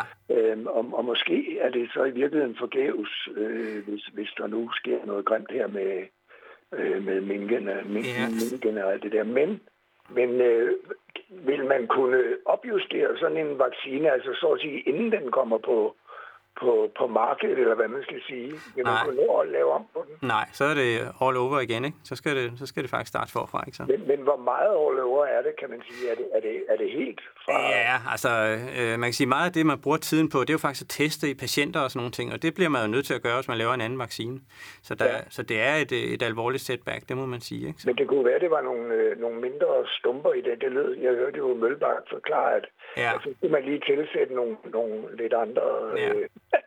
Øh, eller andet. Man kan sige, ja. i virkeligheden helt overordnet, selvom om der ikke er noget med den her mink-historie, som vi jo faktisk ikke rigtig ved, om der er, så Nej. kan man sige, at, øh, at det hele er jo stadigvæk åbent. Vi ved jo faktisk ikke, om de her vacciner rent faktisk beskytter mennesker. Vi ved, at øh, nogle af dem beskytter aber, men, ja. men aber er heller ikke mennesker. De er tæt på, men... Øh, ja. Øh, ja, de er mere tæt. Nogle, nogle er de mere tæt end andre. Nu tror jeg, det betyder, at ikke rører for dig. ja, ja, men, ja.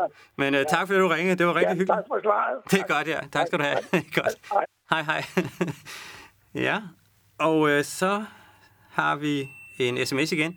Har man ikke så meget viden i dag, at man kan udvikle antistoffer eller bedre immunforsvar, så vi bedre kan modstå viruser og bakterier? Og uh, det øh, har vi da. Øh, det har vi da faktisk, øh, men det tager bare tid, og øh, tid det er jo det eneste, man ikke har, kan man sige, i øh, den her situation. Øh, det skulle helst have været færdigt i går, øh, eller for den sags skyld i, i foråret, og øh, det tager simpelthen bare øh, tid faktisk. Øh, men øh, det, der er ideen i det, det er jo, at man skal jo have nogle antistoffer og, nogle, øh, og noget immunforsvar, som er helt specifikt for det, man går efter. Det er ikke nok at øh, bare aktivere immunforsvaret. Øh, så øh, får man de forfærdeligste virkninger ud af det. Så får man øh, det, der hedder autoimmun sygdom, altså, som øh, gør, at, at immunforsvaret det angriber kroppens egne celler, og så får man diabetes og ledegigt og øh, tyroiditis, øh, altså med sådan en betændelse i skjoldbruskkirtlen og sådan nogle ting. Så det skal være en meget øh, orkestreret, meget fint afstemt øh, aktivering, øh, aktivering man, skal, man skal lave på immunsystemet, for at det virker. Øh, der er faktisk øh, sådan nogle, øh, det man kalder in vitro øh, systemer, hvor man kan udvikle antistoffer. Øh, det er altså øh, in vitro, det betyder, at man arbejder med tingene i reagensglas og i, i laboratoriet, uden at man for den sags skyld overhovedet behøver at involvere nogen øh, dyr eller mennesker eller noget andet. Og øh, der findes altså simpelthen øh, modelsystemer, hvor man kan øh, få øh, nogle celler til at lave antistoffer, og så kan man lave sådan nogle selektionsrunder, hvor man øh, først laver en masse forskellige antistoffer, og så dem, der binder bedst, dem øh, holder man tilbage i sådan en søjle, som man, som man bruger til at hælde det hele igennem. Og så øh, tager man de antistoffer, som sidder fast i søjlen, så kører man en gang mere og laver variationer på dem, og så bliver der nogen, der er lidt bedre, Øh, og så øh, selekterer man dem, og så kører man en, en, en runde igen, og så laver man igen nogen, øh, som bliver endnu bedre osv. Og det sidste, så kan man faktisk lave nogle antistoffer i laboratoriet, som er meget, meget specifikke over for forskellige øh, antigener, som sidder på virus eller på bakterier. Men øh, det, problemet er, at øh, det tager alt sammen tid, og, øh, og som sagt, det er, det er simpelthen det, man ikke har. Så, og nogle gange øh, kan man også øh, faktisk komme langt med nogle forholdsvis nogle lave tekniske løsninger. Man tænker altid på, hvorfor noget avanceret medicin kan vi udvikle, eller hvorfor nogle avancerede antistoffer eller behandling og øh, immunterapi og sådan nogle ting. Men nogle gange så øh, handler det måske bare om at ændre øh, befolkningens øh, opførsel, for eksempel til, at man kan, kan leve øh, normalt igen bagefter. Ikke? Så, så men nogle gange skal man passe på ikke at, at skyde øh, over, øh, over evnet med, med de her ting. Øh, det kan måske ikke nogle gange gøres, gøres meget simplere i virkeligheden, øh, end, end de der meget avancerede tekniske løsninger der. Ja, og vi har en uh, telefon igen, og uh, vi må se, det er Eva måske, er det rigtigt? Ja, det er det. Hej Eva. Eva Meyer her. Velkommen Hej. til programmet. Jo, tak. Jeg vil gerne spørge dig om, øh, jeg er resus negativ, og jeg har fået at vide, at resus negative øh, mennesker bliver mere syge end resus O. Ja. Og det vil jeg gerne have at vide, øh, om det er rigtigt, eller det er forkert. Øh, ja, øh, der var det her med... Øh, nu resusgrupperne har jeg faktisk ikke set noget. Du ved, der er jo forskellige blodtypesystemer, og, øh, og det ene det er det her AB0-system, øh, ja. som er det, det, man opdagede først. Og så er der det her Resus-system, det er faktisk et andet blodtypesystem. Og ja. øh, der findes øh, faktisk en hel, der, der findes noget, der hedder Louis, og der findes øh, en masse forskellige antist... Det ved jeg godt, der ja, er flere forskellige. Ja, mange ja. forskellige, ja.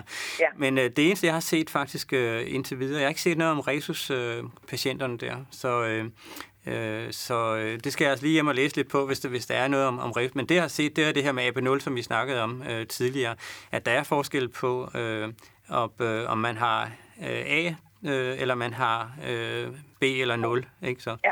så, men Resus, den, der, der må jeg lige øh, være der svar skyldig, så øh, der skal jeg altså lige læse på det, og så må, vi lige, øh, må jeg lige give dig et svar her næste gang.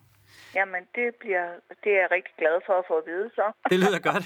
ja. Men, øh, men øh, igen, øh, jeg vil nok forberede dig på, at, at det er nok noget med nogle procenter. Altså det er nok, hvis der er noget, og der er sikkert noget, fordi næsten øh, hvad sammenhæng man end øh, kigger på, så vil der altid være lidt, lidt øh, variationer og lidt forskel, og nogen, der er lidt mere inficeret eller lidt mindre osv. Men, øh, men øh, man, man jeg, sige, jeg hørte bare, at O, de var kom nemmere igennem deres ja. øh, øh, hvad hedder det, sygdomsforløb, ja, end hvis ja. man var øh, Jamen, så, negativ. Så tror jeg faktisk, det er samme øh, studie, du, res, du øh, res, hvad hedder det, refererer til. Men ja. o, o, det har så ikke noget med resus-systemet at gøre. Resus, der er man enten det... positiv eller negativ, ikke? Ja, det ved jeg godt. så, så det er nok det andet. Men, øh, men øh, som sagt, i alle tilfælde, det er nok øh, noget med, med nogle procentfraler til. Det er nok ikke sådan noget enten eller. Det, det, det er det sjældent, ikke? Det er den ene ting. Og den anden ting, det er, at sådan nogle ting kan man, øh, man, kan, man kan bruge dem på populationsniveau.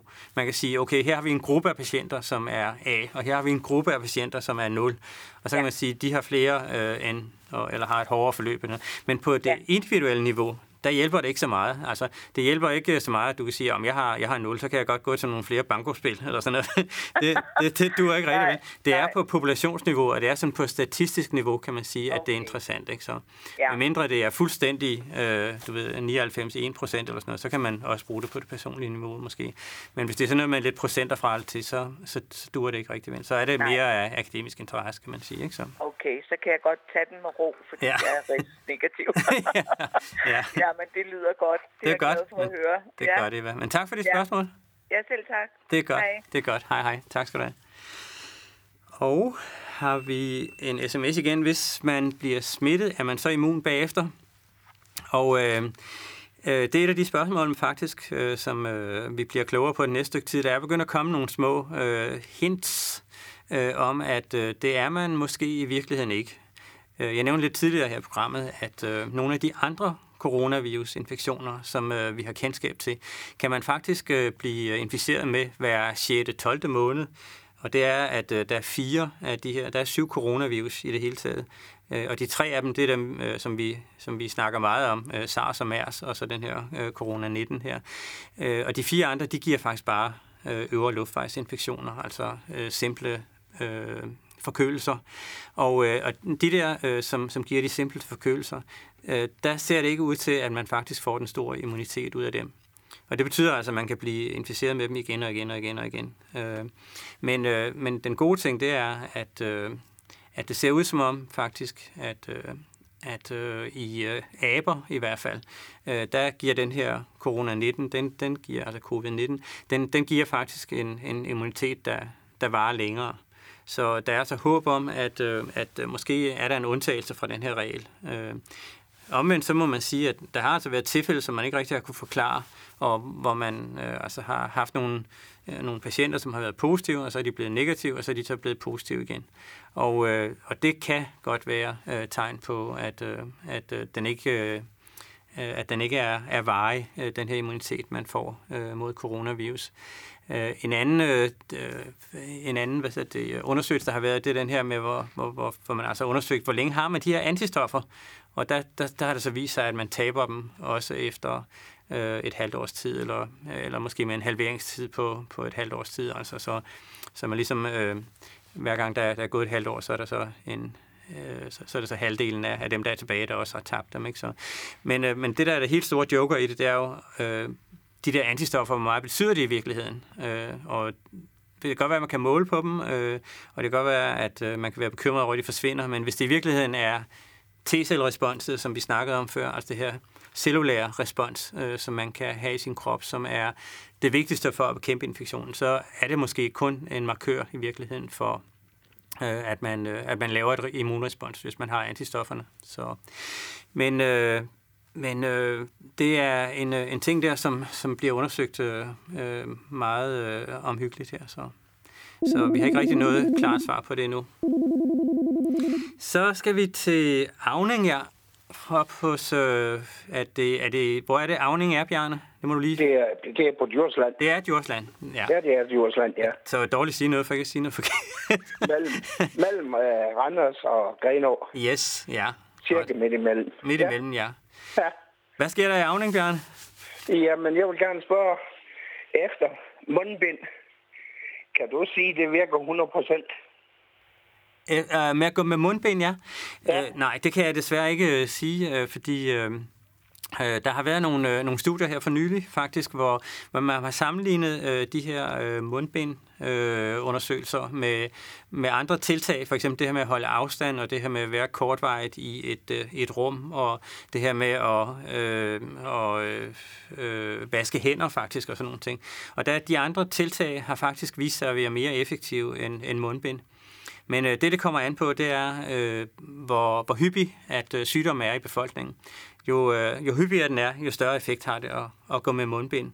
Men øh, for nærværende, så må man sige, at, øh, at det er stadigvæk de samme ting, som vi snakkede om i foråret, som er de vigtigste. Det er stadigvæk øh, det vigtigste at holde afstand, og at øh, vaske hænder tit, og, og at undgå at være indendørs i små rum med mange mennesker i lang tid.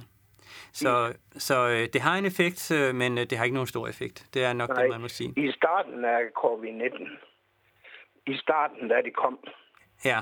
der var der mange læger, der stod frem og sagde, at mundbind havde ingen virkning. Ja, ja. Overhovedet. Ja, det er rigtigt. Så pludselig, så kommer Mette Frederiksen på banen og melder ud, at vi skal gå med mundbind. Ja, ja, det er, det er også... Og, øh... og så, jeg har set så mange latterlige ting ja. her inden for den sidste tid, og jeg synes virkelig, der er latterligt. Ja. Nu stod jeg om min grillbar i Javning. Ja. Og der har de hængt plexiglasskærm op. Så fik jeg at vide, at jeg skulle have mundbind på derinde. Så siger jeg til hende bag ved det, hvorfor har du ingen mundbind på? Jamen, hun stod bag ved skærmen. Nå ja. Jamen, hold ja. lidt bitte pige, står jeg også bag ved den skærm. Ja, ja. Det er jo latterligt så noget, jeg godt, fordi ja, ja, ja, ja. når jeg så øh, tænker på i starten, hvad der blev sagt om mundbind, ikke? Ja, ja. Så Men der er en anden ting, jeg gerne spørge Ja, må jeg ikke lige sige, en, jeg, har, jeg brænder efter jo. en kommentar omkring de her mundbind. Ja. Og det gør ja. fordi, at øh, det er faktisk lidt af en videnskab at gå med mundbind. Hvis man virkelig ja. skulle gøre det rigtigt, så skulle man jo øh, vaske sine hænder, og så skulle man tage det her mundbind på, og øh, så skulle man under ingen omstændighed røre noget som helst, ikke rette ved noget som helst, eller, eller øh, noget. Og så skulle man, når man skulle tage det af igen, så skulle man tage det af, vaske sine hænder, og du ved, tage et nyt mundbind på, og sådan noget. Så, ja. så, øh, og der er, det, der er det faktisk vist sig meget interessant, at, øh, at alene det at have et mundbind på, det gør faktisk, at folk de ændrer adfærd De, de, de begynder pludselig at vaske hænder mere, end de plejer at gøre. De begynder faktisk at holde mere afstand, og de har faktisk kortere møder med andre mennesker, når de, når de går med mundbind. Og det er jo faktisk rigtig interessant, fordi det kan jo godt være dermed faktisk, at mundbindet i sig selv ikke har en helt stor virkning, men at det er de der adfærdsændringer, man laver, når man går med mundbind, som i virkeligheden har øh, en effekt. Ja, der har jeg så også en ting at sige imod, ikke op? Ja. Hvis man kommer ind på en spisested, så sidder folk uden mundbind. Mundbind, der ligger på bordet ved siden af. Ja. Rundt omkring på gaderne, der er der smidt mundbind Ja. overalt, Ja. man kommer frem. Det er sgu da lige til at sende spredningen ud. Det er fuldstændig Det rigtigt, ikke? det. Det er fuldstændig rigtigt, at når man har brugt sit mundbind, så skal man selvfølgelig øh, putte det i en... Ja, det skulle faktisk brændes, ja. Det skulle være rigtigt, ja. Men i hvert fald i en, øh, en skraldespand, fordi øh, hvis, hvis det har virket efter hensigten, så har man jo netop en masse partikler øh, siddende i det her mundbind, øh, som er infektiøse, hvis man selv har infektionen. Og så skal ja. det mundbind jo selvfølgelig lægges i en skraldespand et eller andet sted, ikke? Så, Ja, og den skal da ikke ligge fremme på et bord inde i en kafeteria. nej, det, det må man sige. det. Det, det, er, det er dårlig stil, ikke? Det, Ja. det, det er jeg fuldstændig enig med dig i der, så. Ja. Så vil jeg gerne, jeg vil gerne spørge, hvor mange er død af covid-19, for eksempel hvis vi tager inden for den sidste måned? Det kan jeg ikke detalj, øh, Arne, der. Det kan jeg faktisk ikke. Men jeg ved, at øh, i Danmark øh, øh, totalt er der jo der omkring øh, en 600-700. Altså det var der med, jeg tror omkring, ja, det er nok øh, mellem 6 og 700, vi har skyde på i øjeblikket. Og det er jo det her, vi har de der 12 per 100.000, ikke? Så, Ja. er, øh, jo, jo. Og, øh, og det, det er altså øh, blevet til, øh, til en 600-700 i Danmark, ikke? Så, Hvor øh, mange er så død af almindelig influenza på samme tid? Ja, det er jo faktisk også interessant, fordi øh, der plejer jo at dø øh, måske omkring 1000 mennesker i Danmark øh, hvert år på grund af influenza. Men det er der Ja. faktisk ikke øh, gjort i år. Og øh, Nej, det er jo det er nok på grund af, det er covid-19, Det- der har slået ned. Ja, det er jo simpelthen fordi, at vi har indført alle de her ting med, at nu skal vi være mere hjemme, og vi skal vaske hænder, og vi skal det ene og det andet. Og det har selvfølgelig en effekt på, øh, på øh, influenzavirusen også. Og det er jo rigtig interessant faktisk, ikke? At, øh, Ja. Det er jo faktisk et, et helt unikt eksperiment, ikke? Og det har jo aldrig set før, at, at man har set øh, så stor virkning på, øh, på, øh, på influenzavirus-sæsonen der. Fordi man kan jo se hver år, øh, Serum Institut, de følger det jo øh, hver år, øh, præcis der fra, fra starten hen over vinteren, og så, hvornår det så stiger osv. Og, og der kan man jo se, når, når kurven har et eller andet... Øh, et eller andet øh, forløb på vej op, så ved man jo hvordan, nogenlunde, hvordan det plejer at, og, øh, og, og, forløbe det. Ikke? Og i år, der, den var sådan på vej op, og så faldt den fuldstændig som en sten igennem vandet. Ikke? Fuldstændig ned til stort set nullinjen der, ikke? Så, da vi begyndte at have de her øh, tiltag mod corona. Så, øh, så meget interessant vil jeg sige, at, øh, at, man, at man så den effekt. Ja, men øh, jeg savner stadigvæk, jeg savner stadigvæk at få at vide 300 procent, hvor mange er død af, af, af covid-19. I øh, hele verden, eller tænker du? Nej, bare i Danmark. I, i Danmark jeg er snakker kun Danmark fordi til. Ja, Jeg kan godt klare uh, mit lille Danmark selv. Jeg behøver selv, ligesom Mette Frederiksen, at tage til USA for at få nogle ting at vide. ja, ja. Jeg kan klare mig selv, for jeg er Ja. gammel nok til at klare mig selv. Ja, jeg fik ikke lige kigge på, på hjemmesiden, inden jeg tog herinde, men, men øh, det er et sted mellem 6 og 700 i Danmark. Det er det faktisk. Ja. Så. Ja. Som med garanti er død af covid-19. Ja, og med garanti og med garanti. Ikke? Vi har jo snakket om det her med registrering nogle gange i løbet af aftenen her, at, ja. Ja. øh, at alle de her tal, vi slynger ud, det er jo afhængigt af, hvor godt vi registrerer det i virkeligheden. Ikke?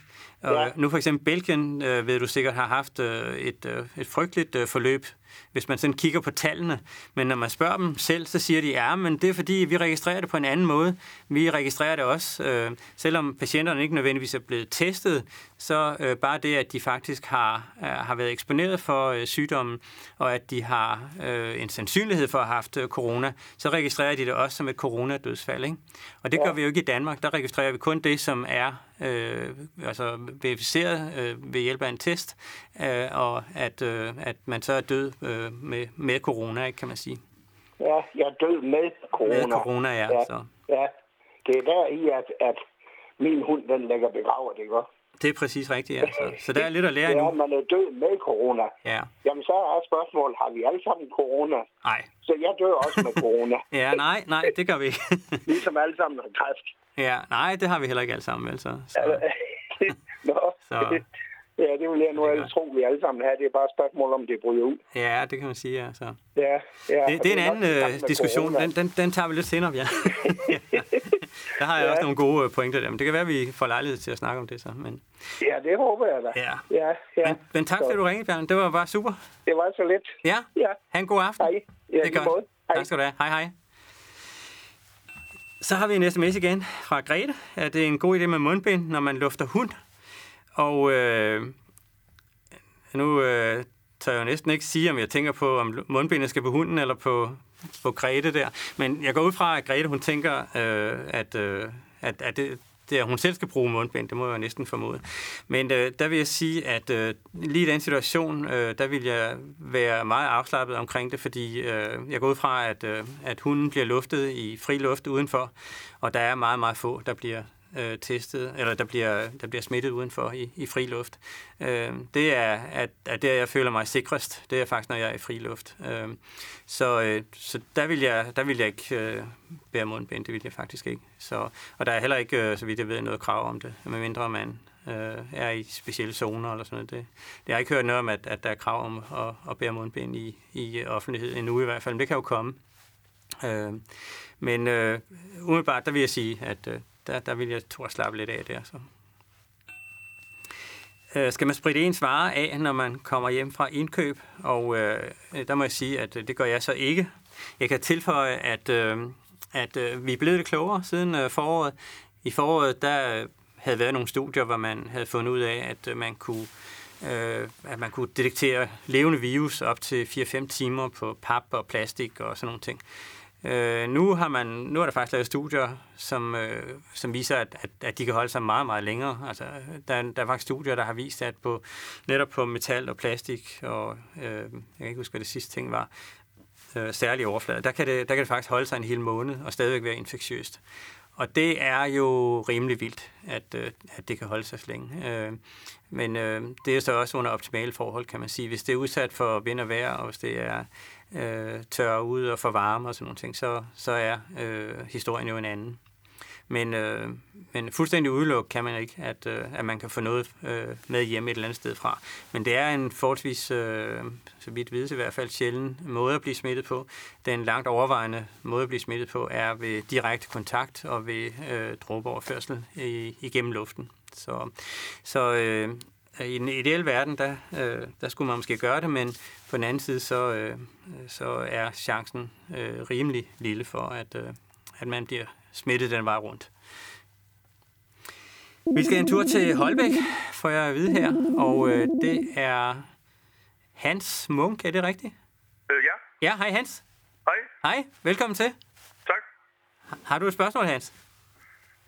Altså, det er bare, jeg tænker på sådan overordnet om, øh, med hensyn til sådan en virus. Ja. Øh, om, om øh, altså, det er sådan en, en utilsigtet og indbygget fejl, den har, altså når den er øh, dødbringende hos mennesker. Altså om det er dens formål i... Ja, altså nu, øh, man kan jo lynhurtigt bevæge sig fra medicinen over i øh, religionen, ikke, med de her ting her.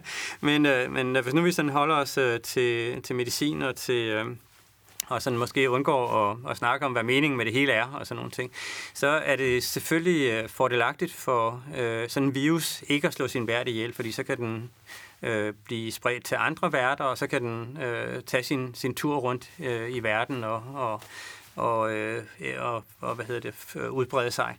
Og, øh, og det gælder jo alle mikroorganismer, alle øh, parasitter, kan man sige, som, øh, som, som er på os. Hvis de, øh, hvis de bare får næring for os, og hvis de kan bruge vores øh, cellulære system måske, så er det langt bedre, end hvis de slår, slår værterne ihjel. Og øh, som vi også snakkede om det tidligere program, så øh, er det sådan, at tit så bliver sygdommen mildere, men, men måske mere smitsom, når det har øh, kørt i, i virus, eller i, øh, i mennesker nogle tid, eller i en eller anden vært nogle, noget, noget tid der. Ja. Øh, så på den måde, så, øh, så har virusen bestemt ikke noget, øh, øh, altså har ikke noget øh, øh, fordel af at, at slå sin vært ihjel. Øh, det må man sige, det er, det er en, en dårlig idé. Men i hele taget, så skal, øh, måske skulle vi vende det lidt om i virkeligheden, og så, og så sige, øh, altså hvorfor, hvorfor er der overhovedet de her virus i verden? Og det skal vi øh, et eller andet sted være glade for i virkeligheden, fordi øh, de virus, vi hører om, det er, så, det er så dem, der altid gør os syge. Men der findes jo øh, rigtig, rigtig, rigtig, rigtig mange virus der, som overhovedet ikke gør os syge. Og øh, faktisk måske øh, er en stor fordel for vores helbred. Øh, der er nemlig nogle virus, øh, som går på, på vores bakterier, og øh, hvis ikke der var alle de der virus, der simpelthen gik på bakterier og holdt dem nede, så, vi, øh, så vi, ville vi måske, eller verden, eller hvad ved jeg, blive helt overgroet af bakterier.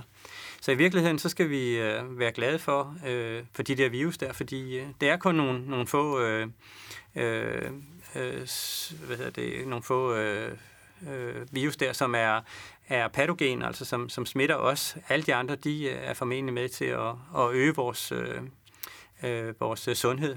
Og øh, det gælder i virkeligheden også øh, for, øh, for, for bakterier. Det er jo sådan, at øh, i vores øh, tarmsystem, der har vi 10 gange så mange øh, bakterier, som vi har celler i resten af kroppen.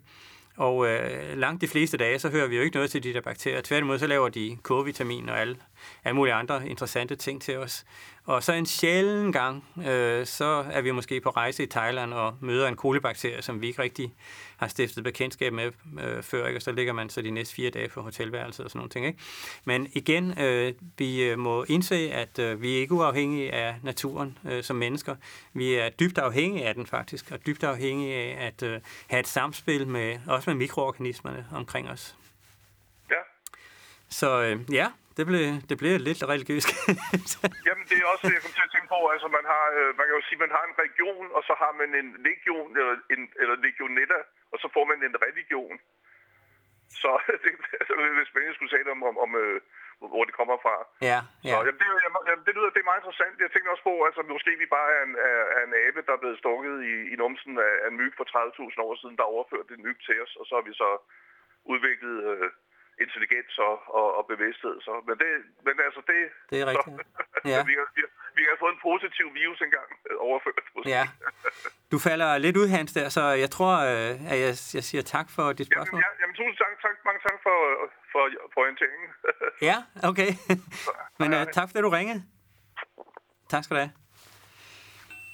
Øh, ja, så har det, er det anden bølge, der er her nu. Hvor mange bølger kan vi forvente? Øh, det må man sige, det er anden bølge, som er her nu. Og hvor mange bølger vi kan forvente, det øh, kan vi faktisk ikke rigtig sige noget om. Øh, øh, det ser ud som om, at vi kommer til at trækkes med den her virus et, et stykke tid, må man sige. Øh, jeg kan huske i foråret, der... Øh, der sad vi og snakkede om, øh, at øh, der kunne komme en anden bølge, men der var ikke nogen, der jo kunne sige, om der kom en anden bølge. Øh, det gjorde der så, øh, og tilsvarende nu, man kan faktisk ikke sige, om der, om der kommer en tredje bølge, men det kunne sagtens være, og øh, hvis, øh, hvis en kombination af de her ting, nogle af de her ting, vi har snakket om øh, her i aften, øh, er til stede, altså for eksempel, at man i virkeligheden ikke har særlig god immunitet mod den her virus, og hvis øh, den øh, begynder at mutere på nogle måder, så den øh, i virkeligheden øh, kan blive øh, aktiv i en person, som allerede er blevet smittet en gang, så kunne man sagtens forestille sig, at man kunne få en tredje og en fjerde og en femte bølge osv. Det kan, det kan seriøst blive noget, som, øh, øh, som kan vare rigtig længe. Og øh, der kan man jo sige, at i forhold til øh, influenzavirus, der er vi jo vant til, at når vinteren er over, så øh, er influenzaen også væk igen. Øh, og så øh, tager den en tur til Asien igen, og så laver den en øh, ny variant dernede, som så tager en, en ny tur rundt i verden øh, næste vinter der. Det plejer jo, og man må sige, det er jo så også en, en nogle gange altså, seriøs kraftig mutation, der, der sker, ændring af virus. Det, det er jo ikke bare en mutation nogle gange, det er faktisk også det, der hedder en rekombination. Det vil sige, at, øh, at virus, altså virusen den øh, udvækster store klumper af, af DNA, øh, af, altså af, af arvemateriale med andre øh, sådan, øh, bios, den er i familie med, og så kommer der pludselig noget, som er fuldstændig anderledes end, end det, som vi har, har kendt tidligere.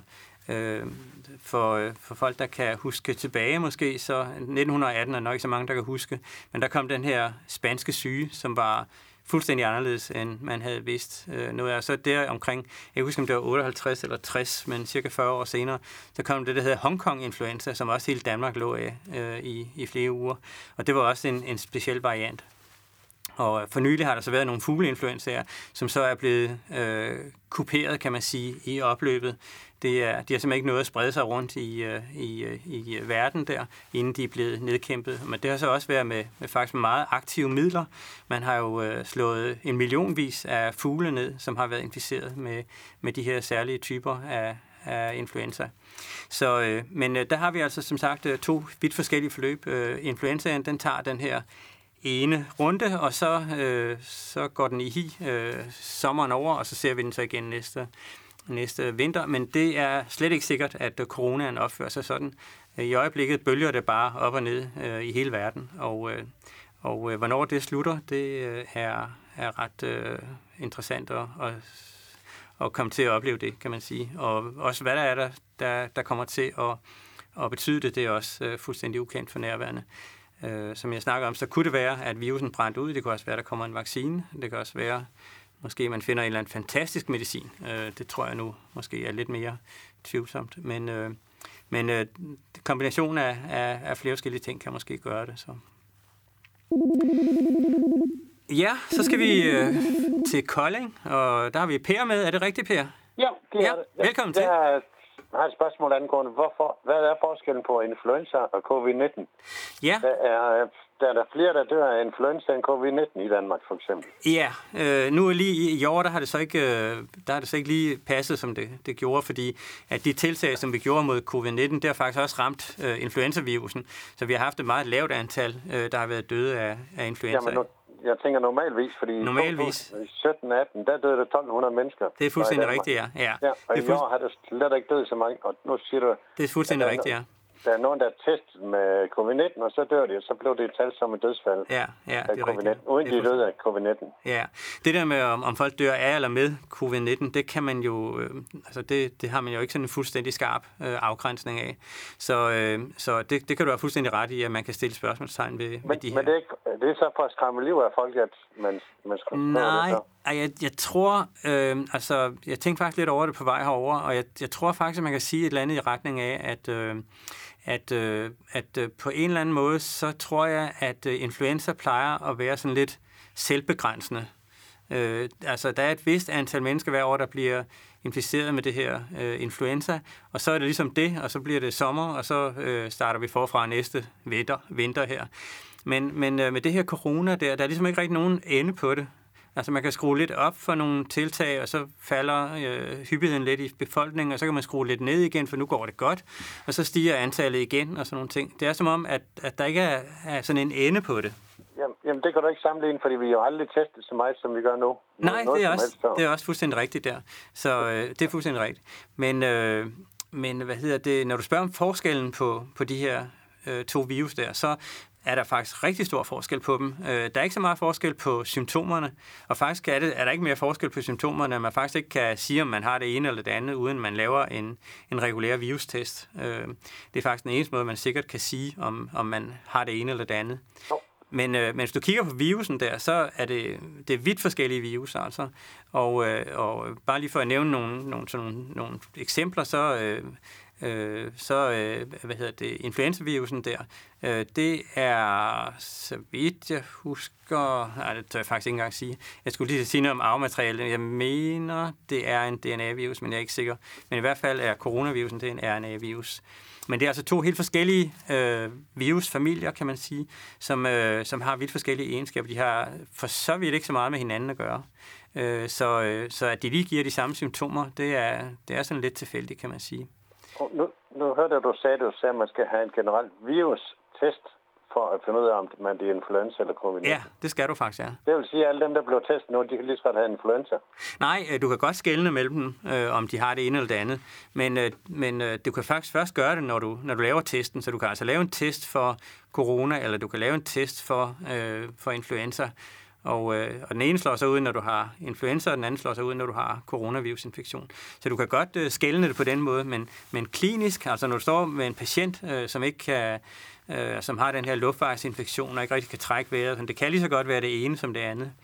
Faktisk øh, har det vist sig, at det bedste kriterie, man kan skælne de to øh, sygdomme på, det er, hvis man taber øh, lugtesansen. Det er faktisk, øh, og det er faktisk ret unikt for, øh, for alle øh, infektionssygdomme, alle sygdomme i det hele taget. Det der med at tabe lugtesansen, det er ret unikt for, for coronavirus. Det gør man ikke, når man, når man bliver inficeret med, med hvad hedder det, influenza der. Så. Jeg, Jeg, jeg skal lige være helt sikker, når du så kommer, hvis man kommer ind til de testcenter, tester de så direkte for corona, eller tester de Nej, for ja, de, eller, ja, ja, de der testcentre, der er rundt omkring i, i verden, de, eller rundt omkring i landet her, de tester kun for corona.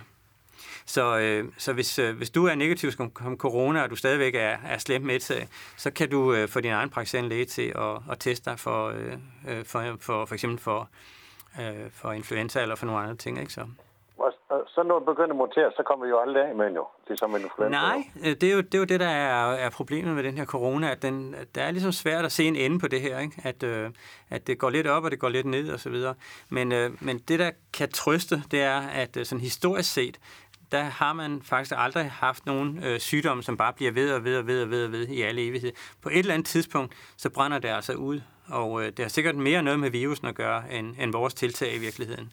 At, øh, at på et eller andet tidspunkt, så, så er der bare ikke øh, kraft nok i virusen til, at den kan... Ja, er det så ikke bedre at bare lade være med at gøre noget, i stedet for at skræmme liv af folk? Jo, øh, der kan man sige, øh, så er der jo noget med, altså, hvor mange skal man lade dø af det her? Det er jo virkelig det, som man skal, det spørgsmål, man skal stille sig i sidste ende.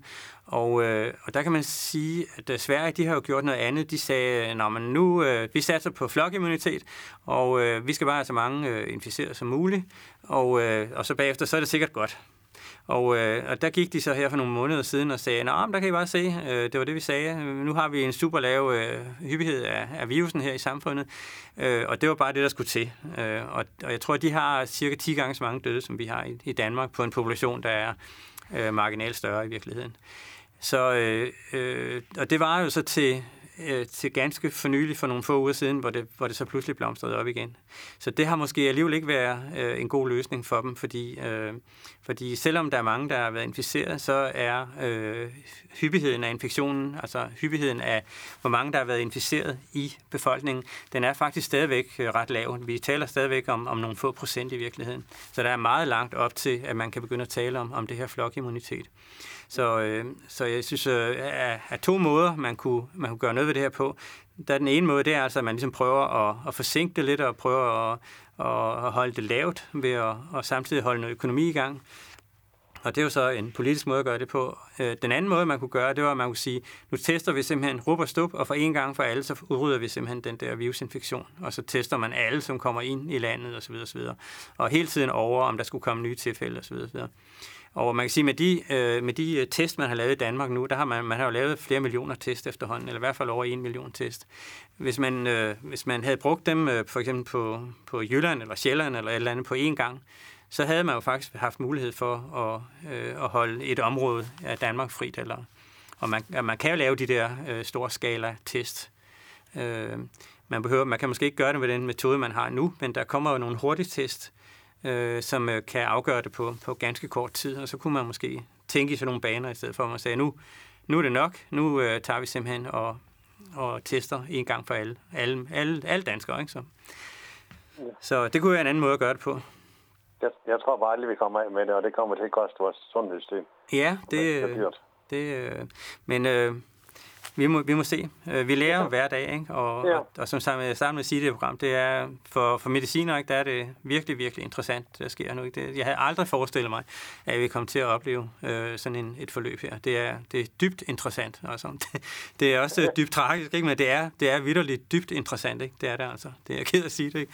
Men, øh, men virkelig, virkelig, virkelig interessant, det vi, det vi oplever nu. Ikke så? Ja. Jamen, tak for det. Tak for det, Per. Tak, hej. Tak skal du have. Hej, hej. Og øh, har vi en sms igen. Hvad med kør og covid-19? Kan de smitte? Øh, det kan de faktisk godt. Øh, men øh, igen, øh, det, er ikke, øh, det har ikke været investeret indtil nu som en øh, smittekilde. Og øh, en af årsagerne kan jo være, at man ikke har undersøgt det særlig meget. Øh, jeg nævnte lige øh, tidligere også et studie, hvor man nu vidste, at, øh, at det er op mod 60 forskellige arter faktisk af dyr, som kan blive smittet øh, med corona, og det indbefatter også alle vores almindelige husdyr, som får, ged og ko og gris og alle de her, alle de her almindelige dyr, vi omgiver os med. så så det kan sikkert godt passeres, men det er sikkert også måske sjældent. Vi ved det faktisk ikke. Vi har ikke undersøgt det. Det er, det er simpelthen svaret, at øh, indtil man får undersøgt det nærmere, så, øh, øh, så, må, så må jeg simpelthen blive, øh, må vi blive øh, svarskyldig, hvad det, hvad, det, hvad det kan gøre. Men implicere kan det i hvert fald så. Og vi har en øh, sms igen, har forskellige kommunale hjemmehjælpere. Øh, Nå, hver gang. Ja, nå ja, øh, det, det, ja, der kommer forskellige kommunale hjemmehjælpere hver gang. Vil det være en god idé at midlertidigt afløse hjælpen, hvis man kan klare sig uden? Og øh, ja, det vil jeg faktisk sige, det øh, vil være en god idé, hvis man kan klare sig uden. Så øh, er det en, en god idé at, øh, at få så lidt kontakt, kan man sige, udad til med, med så, så, så få mennesker som muligt. Øh, det vil også, kan man sige, være en god idé, hvis kommunen kunne sende de samme ud øh, hver gang til, til de samme øh, borgere. Det kunne jo også være en ting, man kunne arbejde på rundt omkring i kommunerne måske. Øh, I det hele taget så øh, drejer det sig om at begrænse antallet af forskellige kontakter, man har. Øh, hvis man... Øh, hvis man vil risikere sin, eller øh, minimere sin, sin risiko for at, at blive eksponeret for øh, hvilken som helst sygdom, inklusive corona, så er det selvfølgelig en, en rigtig god idé at omgive sig med så få forskellige mennesker som muligt. Og der, altså derved så, man taler jo også om, at at, øh, at øh, man kun må have øh, nogle få som, øh, som krammekontakter. Så man må altså kun have nogle få, som man går helt tæt på, øh, indtil man ligesom øh, får lidt, lidt bund i den her infektion, som jo altså øh, i øjeblikket er måske sådan øh, stagnerende til stigende i Danmark. Men øh, øh, inklusive det her, vi snakkede om med at, at være mange i et lille rum i lang tid med dårlig ventilation og med aktivitet, der gør, at man, man laver dråber, så kan man altså også tilføje den her, at jo færre mennesker man ser, jo øh, mere øh, jo mere sikker er man for at, at blive øh, at undgå at blive eksponeret for, for øh, corona og andre sygdomme. Og ja, og øh, så har vi en, en øh, lytter, eller seer fra Jørgen. Har vi, det har vi måske ikke alligevel, eller? Jo, jeg er her. Du er der, ja. ja. Velkommen til. Jo, tak. Hej. Og hvad har du af spørgsmål? Ja, jeg, jeg har et spørgsmål til dig. Når vi har hjemmehjælp begge to. Ja. Og så, må, så spørgsmålet det er, dem, de hjemmepladser, som kommer her til os, ja. må de blive lånt ud til en nabokommune? Ja. Øh, det er spørgsmålet. Ja, altså... Og, om, om, de så ikke smidt noget af sig fra den anden kommune herop, når jo, de kommer til os? Jo, nu må sige, nu, øh, nu, øh, nu fik jeg ikke lige hørt præcis, hvad restriktionerne gik ud på her, som, ja. som Mette Frederiksen, hun, hun, hun øh, satte i gang her i eftermiddag. Men, øh, men hvis du er i et område, hvor... Øh, ja, ja. Jeg, jeg, er i, jeg er i den kommune her, ja. Ja, ja. Så, øh, så er det ikke nogen god idé. Altså, der, der hørte jeg specifikt, at man, øh, øh, at man skulle undgå at have trafik mellem kommunerne. Ja. Så, så hvis, hvis du har en hjemmehjælper, som kører på tværs af kommuner, man, man kan sige, der var også en, en, en lille kattelem, der sagde, at hvis det var uopsætteligt, eller hvis det var ja. øh, øh, anerkendelsesværdigt, eller regeringen har så mange ord og sådan nogle ting, men, ja, ja, ja. Øh, så, så kunne man se gennem fingre med det. Men alt andet lige kan man sige, øh, jo mindre man kan, man kan krydse kommunegrænser, og jo mindre man kan, at man kan blande sig op i, i området, jo mere man kan, kan blive øh, på, på det sted, man nu er, jo bedre ja, faktisk. Det må man sige, det, ikke? Det, det, mit spørgsmål, det mener faktisk, når, når man, vi har været her, de hjemtager, vi bruger til daglig år rundt, vi har cool begge to. Du, du falder lidt ud. Øh, jeg ved ikke lige, om, om det er ja, din mobiltelefon, der, der ja, driller lidt. Jeg nok. Ja, prøv lige at sige det igen. Det, vi har jo hjemmepleje hver dag. Ja. Og spørgsmålet er så, må man så fra Jørgen hjemmepleje ja. lege sin hjemmeplejefolk ud Ja, når det... de er inden for i center, for eksempel, når det er Jørgen Kommune. Ja, det, det tror jeg, at de kommer til at, at lige overveje, om, om det nu også er øh, det, de skal i fremtiden. Med, med de nye restriktioner der, så vil jeg sige, at, øh, at øh, man bør tænke sig virkelig godt om, ikke så? Ja, det er fint. Ja. Men tak skal du have. Tak fordi du ringede. Ja. Jo, tusind tak. Helt det er godt. Tak skal du have. Tak. Det er tak. godt. Hej hej. Og så har vi en sms igen. Jeg har en baby på cirka to måneder. Hvad vil hendes symptomer være, hvis hun var smittet? Og øh, måske øh, vil hun faktisk overhovedet ikke have nogen symptomer. Jo øh, yngre man er, øh, jo, øh, jo færre symptomer har man faktisk. Øh, alt andet lige. Så øh, hvis... Øh, øh, man kan jo godt forestille sig, at hun kunne blive inficeret, uden at, at øh, hun nogensinde havde symptomer på det. Det kunne man faktisk godt. Og hvis øh, hun får symptomer, så vil hun øh, få symptomer, der svarer til forkølelse og, og luftvejsinfektion. Øh, og øh, og det er sådan, at øh, også hos, øh, hos børn og unge, der, de har simpelthen et, et lettere forløb, end de har hos voksne. Så, øh, så hvis, hvis hun, hun ikke er i en eller anden speciel risiko for at, at udvikle et hårdt forløb med, med corona her, så kunne man godt øh, øh, øh, altså, så, så kunne man sagtens forestille, at det bare blev til noget snotte i virkeligheden. Så øh, det gør jo selvfølgelig, at, øh, at, øh, at øh, det øh, jeg ikke, to måneder, der er hun jo stadigvæk hjemme, kan man sige. Øh, så, øh, så der er så ikke så meget eksponering heller. Man skal jo hele tiden tænke i, øh, hvordan bliver en person eksponeret, og hvordan kan personen give det videre. Og øh, en baby øh, på to måneder er jo, er jo stadigvæk hjemme hos mor, øh, så, så der er nok ikke så meget øh, eksponering der, og i virkeligheden Øh, hvis hun får det, så får hun det i virkeligheden nok måske mest sandsynligt fra sin mor eller fra sin far. Så, øh, men øh, der behøver slet ikke at være nogen øh, symptomer. Det gør der faktisk ikke. så. Ja, og øh, har vi øh, et nyt spørgsmål, eller skal vi tage et fra... Nå, der var...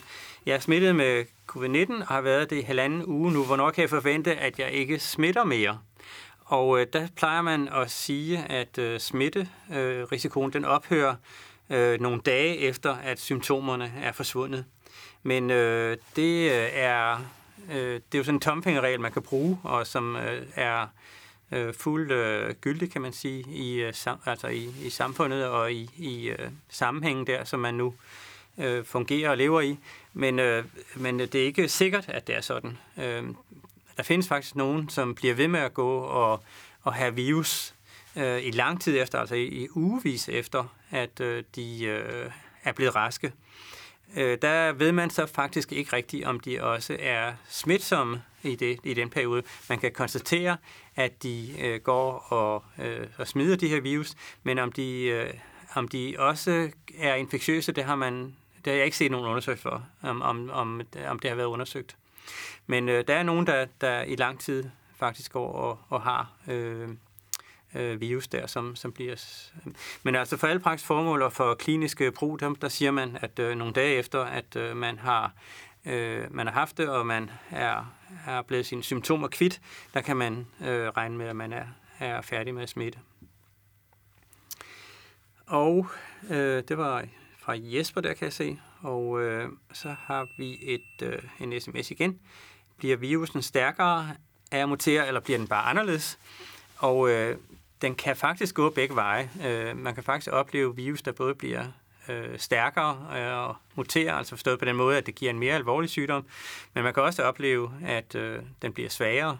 Og øh, det er faktisk sådan, at, øh, at det sidste er nok det mest almindelige, og faktisk også øh, den måde, som man igennem øh, århundreder, vil jeg faktisk nærmest øh, efterhånden sige, har lavet vacciner på. Øh, sådan den, den nemme måde, at øh, den mere, mere øh, grundlæggende måde, kan man sige, at man har lavet vacciner på i tidens løb, øh, det er, at man har passeret, som det hedder, øh, bakterier og virus igennem øh, cellekulturer i øh, laboratoriet.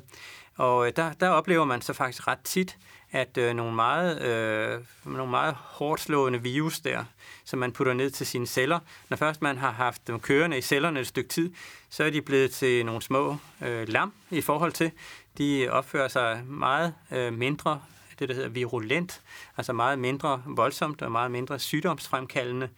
Og øh, der kan man, det kan faktisk være en måde, man kan, man kan lave en virus på, at man tager en, en virus, øh, som, øh, som dem laver alvorlig sygdom hos mennesker, og så kører man det igennem de her cellekulturer et stykke tid i laboratoriet. Og til sidst så har man faktisk øh, en øh, virus, øh, som jo okay, den kan stadigvæk godt inficere cellerne, men den laver ikke længere øh, noget sygdom. Og det kan man faktisk direkte putte i en øh, vaccine og vaccinere øh, folk med det. Og øh, det aller, aller første gang, man, man lavede noget i den stil. Der var man ikke så avanceret og havde cellekultur og celledyrkning og sådan nogle ting. Øh, men øh, der, var, øh, øh, der var en meget vigtig observation øh, omkring øh, kopper.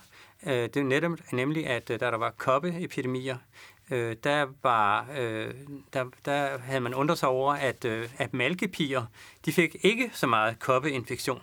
Men øh, de havde til gengæld øh, nogle, øh, nogle andre slags øh, kokopper, kaldte man dem. Altså køerne, de havde en, et virus, som i virkeligheden mindede om øh, koppevirus. Og øh, det var faktisk et, et slags... Øh, et stærkt eksempel på, den, på, en, på sådan en første øh, vaccination, man, man kunne gøre. Øh, køerne de havde allerede vaccineret malkepigerne i virkeligheden, fordi øh, malkepigerne sad jo med hænderne på deres øh, yver der og fik de her, de her øh, øh, kokoppe-virus på sig. Og dermed så lavede de et immunrespons, som gjorde, at de ikke øh, blev syge, når den her rigtige øh, koppevirus, den, den hervede i samfundet. Og senere så tog man simpelthen kokopper og inokulerede, som det hedder, altså vaccinerede ind på, øh, på øh, mennesker, og så kunne man vise direkte, at dem, der var blevet øh, inficeret med det her kokoppevirus, at de øh, kunne modstå det andet virus. Så, øh, så virus, der, der muterer, de kan i princippet gøre begge dele, men ofte så bliver de faktisk sværere, og det kan ligefrem komme øh, også til gode, når vi skal lave øh, vacciner mod, øh, mod de her virus. Ja, og så har vi øh, et øh, spørgsmål fra Torben, hvor han siger, at kan øh, corona-19 eller covid-19 smitte til rotter, tænker på, at hvis de begynder at spise af alle de døde mængde, der ligger og flyder. Og det, jeg kan faktisk ikke huske, om rotter var med i den her oversigt over de her 60 forskellige øh, arter af, øh, af, øh, af, af dyr der, som kunne blive inficeret med med corona, men øh, mit øh, bud er, at det kan det sikkert godt. Øh, det kan man da sikkert forestille sig.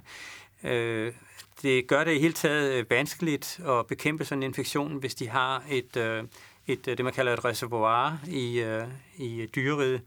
Øh, man kan vaccinere mennesker, og man kan sige til mennesker, at de skal gå hjem og tage mundbind på og, og, og se noget mere øh, DK4 for eksempel, men øh, man kan ikke øh, sige til flagermusene og til, øh, til alle de andre øh, dyr, at de skal gøre det sammen. Så det vil sige, at man kun opererer inden for, for den menneskelige sfære øh, omkring øh, mange sygdomme. Og det, at øh, man nu har vist, at øh, corona også kan inficere en masse andre øh, arter, det gør det faktisk øh, noget mere kompliceret at, at få, øh, få has på det. Og øh, man kan sige, at det der er løsningen, det er jo at distancere os fra mange af de her øh, habitater, hvor der findes øh, de her interessante former for, for virus, interessante i medicinsk forstand, men bestemt ikke i sygdomsfremkaldende forstand. Og øh, jeg husker, da vi lavede de her udsendelser i foråret, var der en, der spurgte, om, om man kunne tænke sig, at der kom nye virus, øh, øh, når nu den her corona den var overstået. Og det kan man sagtens øh, tænke sig. Alene i løbet af de sidste 10-15 år har vi altså haft øh, SARS og MERS og nu øh, corona, alene fra coronavirusgruppen der. Og man kan sagtens forestille sig, at, øh, at øh, over en længere tid, at der så vil komme endnu flere øh, eksempler på sådan nogle virus, som bryder ud af dyrerider og, og rammer os. Så øh, som jeg sagde lidt tidligere i programmet, vi kan ikke sådan fuldstændig separere os fra naturen. Vi er en del af naturen, og det øh, gør vi klogt i at anerkende og øh, lade de her dyr være i, i fred og øh, lade være med at spise øh, mærkelige øh, øh, vilde dyr, som de for eksempel gør i, i Kina. Øh, man kan jo købe øh, flagermus eller, eller mærkelige andre øh, dyr på markederne, og det er jo den måde, som, som sådan nogle virus de bliver introduceret på, hvis ikke de bliver kogt og stegt, som de, som de skal. Så, øh, øh, så det er et problem, at, øh, at virusen her kan, kan sprede sig til andre øh, dyrearter. Det er det virkelig. Ja, og har vi øh, flere spørgsmål, må tro, eller så har vi en, øh, en øh, ser. Jeg glemmer hele tiden, at vi har billede på her. Vi har en ser igennem. Er der hul til Karsten? Nej. jeg tror... Hej Karsten, er du... kommer, hvis nu. Ja, Hej, ja, der er du igen. Hej Karsten. Hej. Du er en trofast øh, fyr, du stadigvæk holder på hernede fra, fra Holeby. Ja, der. selvfølgelig. Ja. Havde du et spørgsmål mere, Karsten? Ja, det er, er, er Karsten, også kaldet Knærøj, skal, skal slippe på de, på de danske landeveje. Ja, jeg kan høre, der er meget, meget langt væk. Jeg ved ikke, om, om, øh, om vi kan få lidt mere lyd på, eller...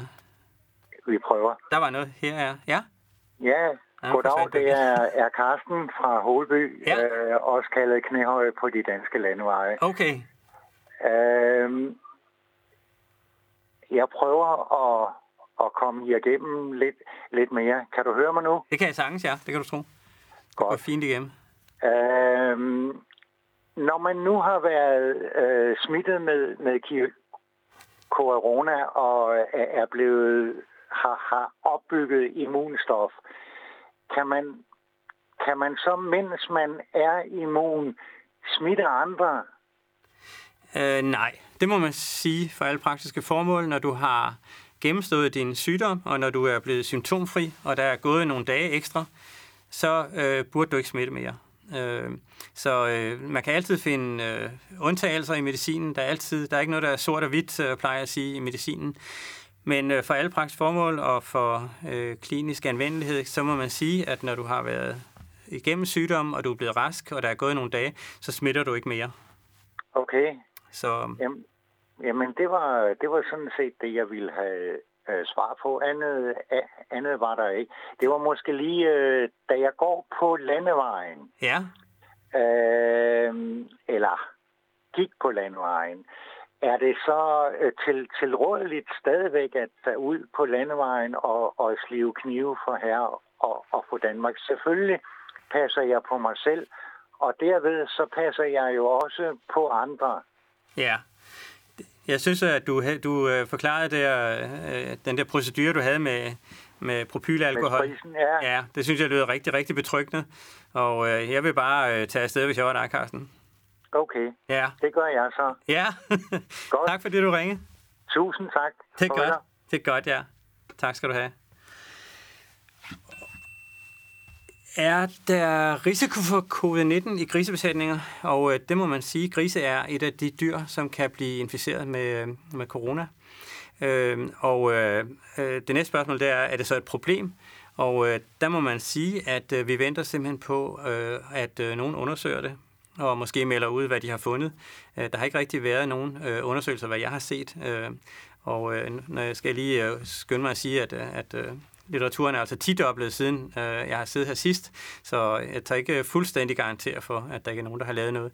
Men, øh, men det er jo som regel sådan, at hvis, der, hvis man finder noget interessant, og hvis man finder noget, som, øh, som der er øh, noget bid i, så øh, bliver det selvfølgelig publiceret, og så bliver det øh, spredt rundt i verden øh, til, til information for dem, der arbejder med de her ting. Men øh, der kunne sagtens øh, være noget i det, men, øh, men øh, det kræver som sagt, at der er nogen, der undersøger det, som tager ud i grisebesætninger og, og undersøger dem og ser, om, øh, om der er smitte der også.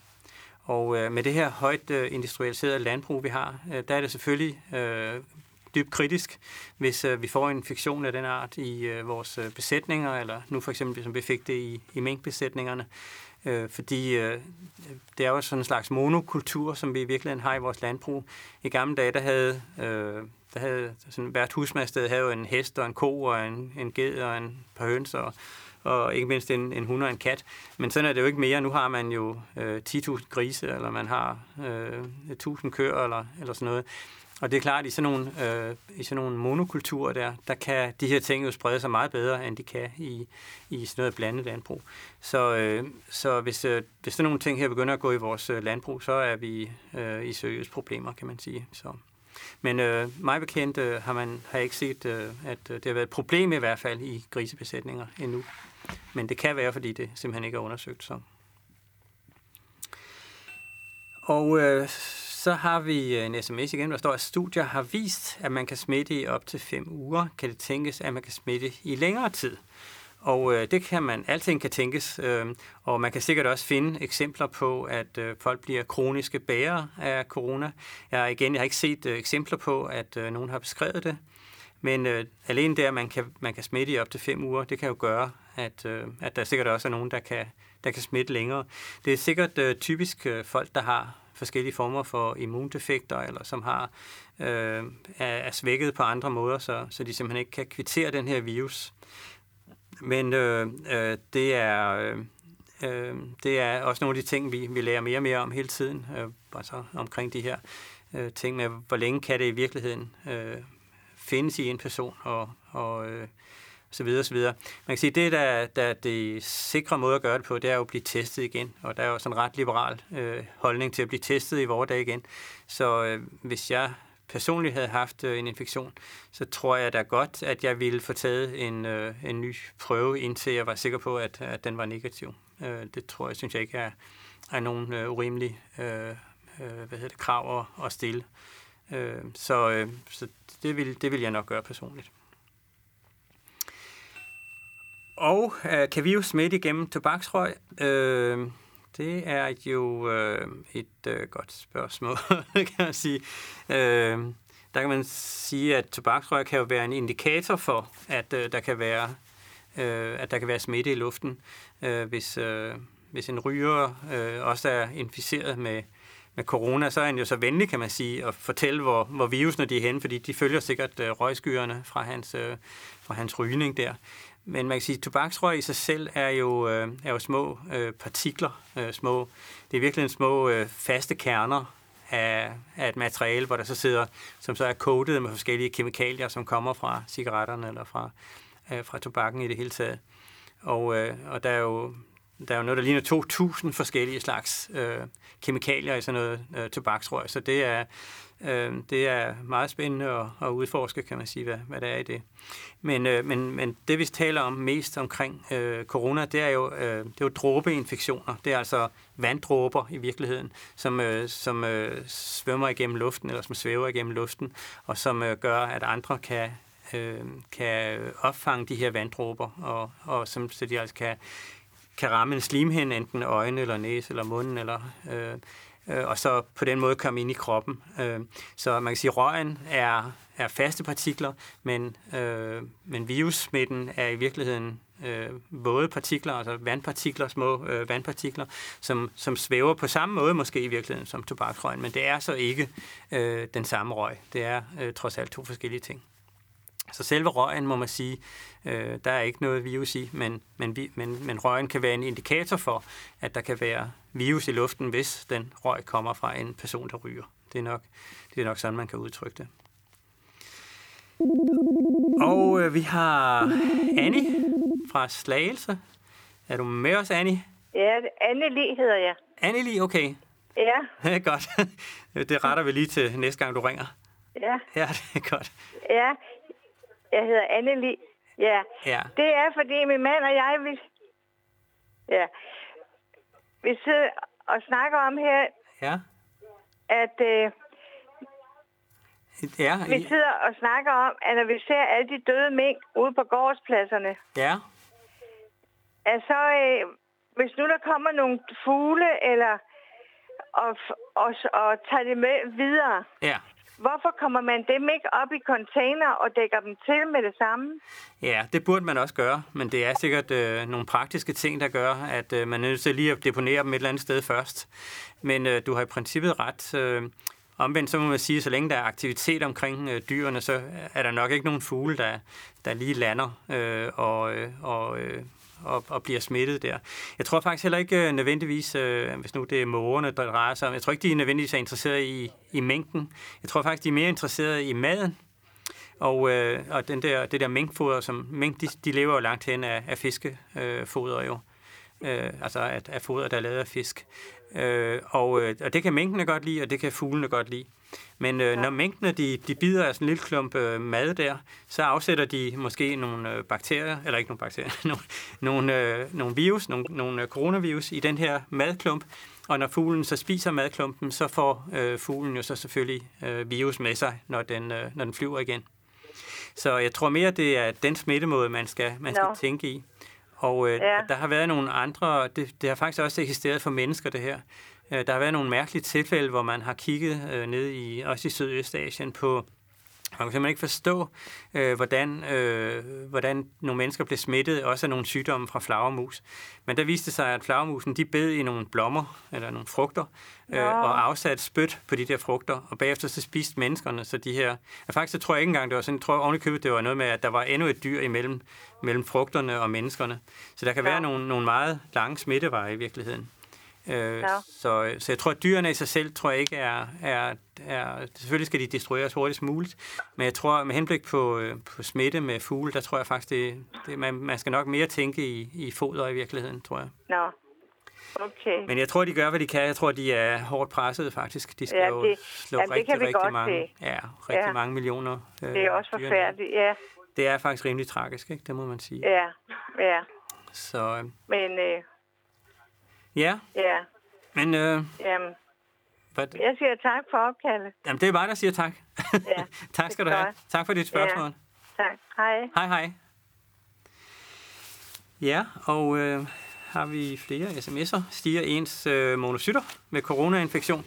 Og det gør de faktisk. Øh, monocytter, det er nogle øh, celler, som findes i øh, blodet, og som øh, er en øh, del af, kan man sige, de hvide blodlemmer. Vi har jo øh, to farver. Vi har de røde og de hvide, ligesom øh, de danske nationalfarver, og så har, er det hele, det er, det er så øh, øh hvad hedder det, suspenderet, det hedder, det hedder det ikke rigtigt på dansk, det hedder, de hele så, de svømmer så rundt i, i noget blodplasma, som er sådan en forholdsvis klar væske. Men øh, af de hvide øh, blodlamer, det er faktisk hele der, øh, vores immunsystem øh, sidder, i hvert fald det, der, der cirkulerer rundt i blodet.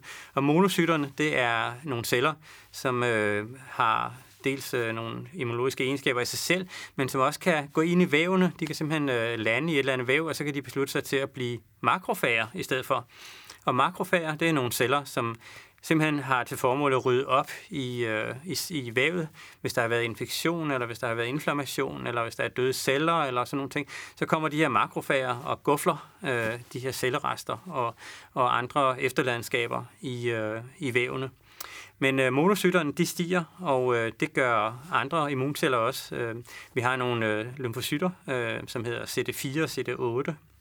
Og CD8, det er altså dem, der bliver til, til killerceller, eller til øh, cytotoksiske T-celler, som er en del af det her øh, cellulære immunrespons, vi har mod øh, virusinfektioner. Og de stiger også. Øh, så vi ser, vi ser rigtig mange ting. Vi ser også nogle, der hedder NK-celler, som er specialiseret i at, øh, at, at dræbe uden, øh, uden at spørge for meget, om man så må sige, hvis man siger det populært. Øh, NK det står for Natural Killer, og de er simpelthen beregnet til at slå celler ihjel, øh, som har virus, uden at spørge så mange øh, spørgsmål om, om, hvad der lige sidder på overfladen og sådan nogle ting. Og de stiger også. Så mange af vores øh, immunmarkører, og sådan et, øh, en markør som øh, C-reaktivt protein, for eksempel, som er sådan et, et øh, tal, som de praktiserende læger de altid måler, når man kommer ud og siger, jeg tror altså, jeg har en eller anden infektion, så måler de det der C-reaktivt protein, og så hvis det er meget over 10 eller et eller andet, så siger man, ja, der kan man se, at du har noget infektion, det har du. Men alle de der ting, de, øh, de stiger, øh, når, man, når man får coronavirusinfektion, og øh, desværre ikke specifikt, ikke specifikt nok til, at man kan sige, at, øh, at okay, så har du coronavirusinfektion. Det, det gør de med mange andre øh, infektioner og med mange andre situationer også. Så, øh, men monocytterne er, er helt klart en af de, øh, der faktisk øh, stiger. Og øh, vi har en sidste, måske øh, telefon fra i aften. Så er vi oppe i øh, Sæby. Er, har vi Brian med derfra? Ja, Hej, Brian. Poulsen fra Sæby. Velkommen til, Brian. Uh, jeg har et vigtigt spørgsmål, fordi uh, nu er det sådan, når man så uh, kører med taxa og skal ud og handle og det hele, så skal man have mundbind på. Ja. Og jeg vil gerne vide, skal man også have mundbind på, hvis man er sådan, der kommer nogle gæster, for eksempel fra Frederikshavn og det på grund af alt det her corona og det. Ja, øh, man Jamen ved sig selv altså. Ja, øh, altså der er jo ikke nogen sådan formel krav, kan man sige.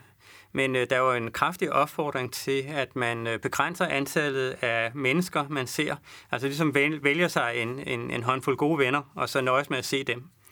Øh, og øh, øh, der er også en vis erkendelse af, at mennesker kan jo ikke leve af, af luft og, øh, og, og kærlighed alene. De er også nødt til at se øh, nogle mennesker, de er nødt til at have et eller andet socialt liv. Og der her i sommer, der har det jo været rigtig fint, for der kunne man simpelthen sætte sig udenfor øh, på terrassen, eller hvor man nu satte sig, og så øh, var man øh, i sådan gode hænder med henblik på smitte. Der var ikke så meget smitteoverførsel her. Men nu er vi jo i en situation, hvor det bliver koldere, og man rykker indenfor. Og, øh, og der vil jeg næsten sige, øh, og det passer måske meget godt med at runde den her øh, aften af, at øh, hvis man ligesom vil vurdere sin risiko og vurdere den øh, risiko, man udgør for andre mennesker, så øh, skal man altså regne på antallet af mennesker i rummet, hvor stort rummet er, hvor ventileret det er, hvilke aktiviteter man, øh, man foretager sig ind i det her rum, og i øvrigt, hvor længe man er sammen.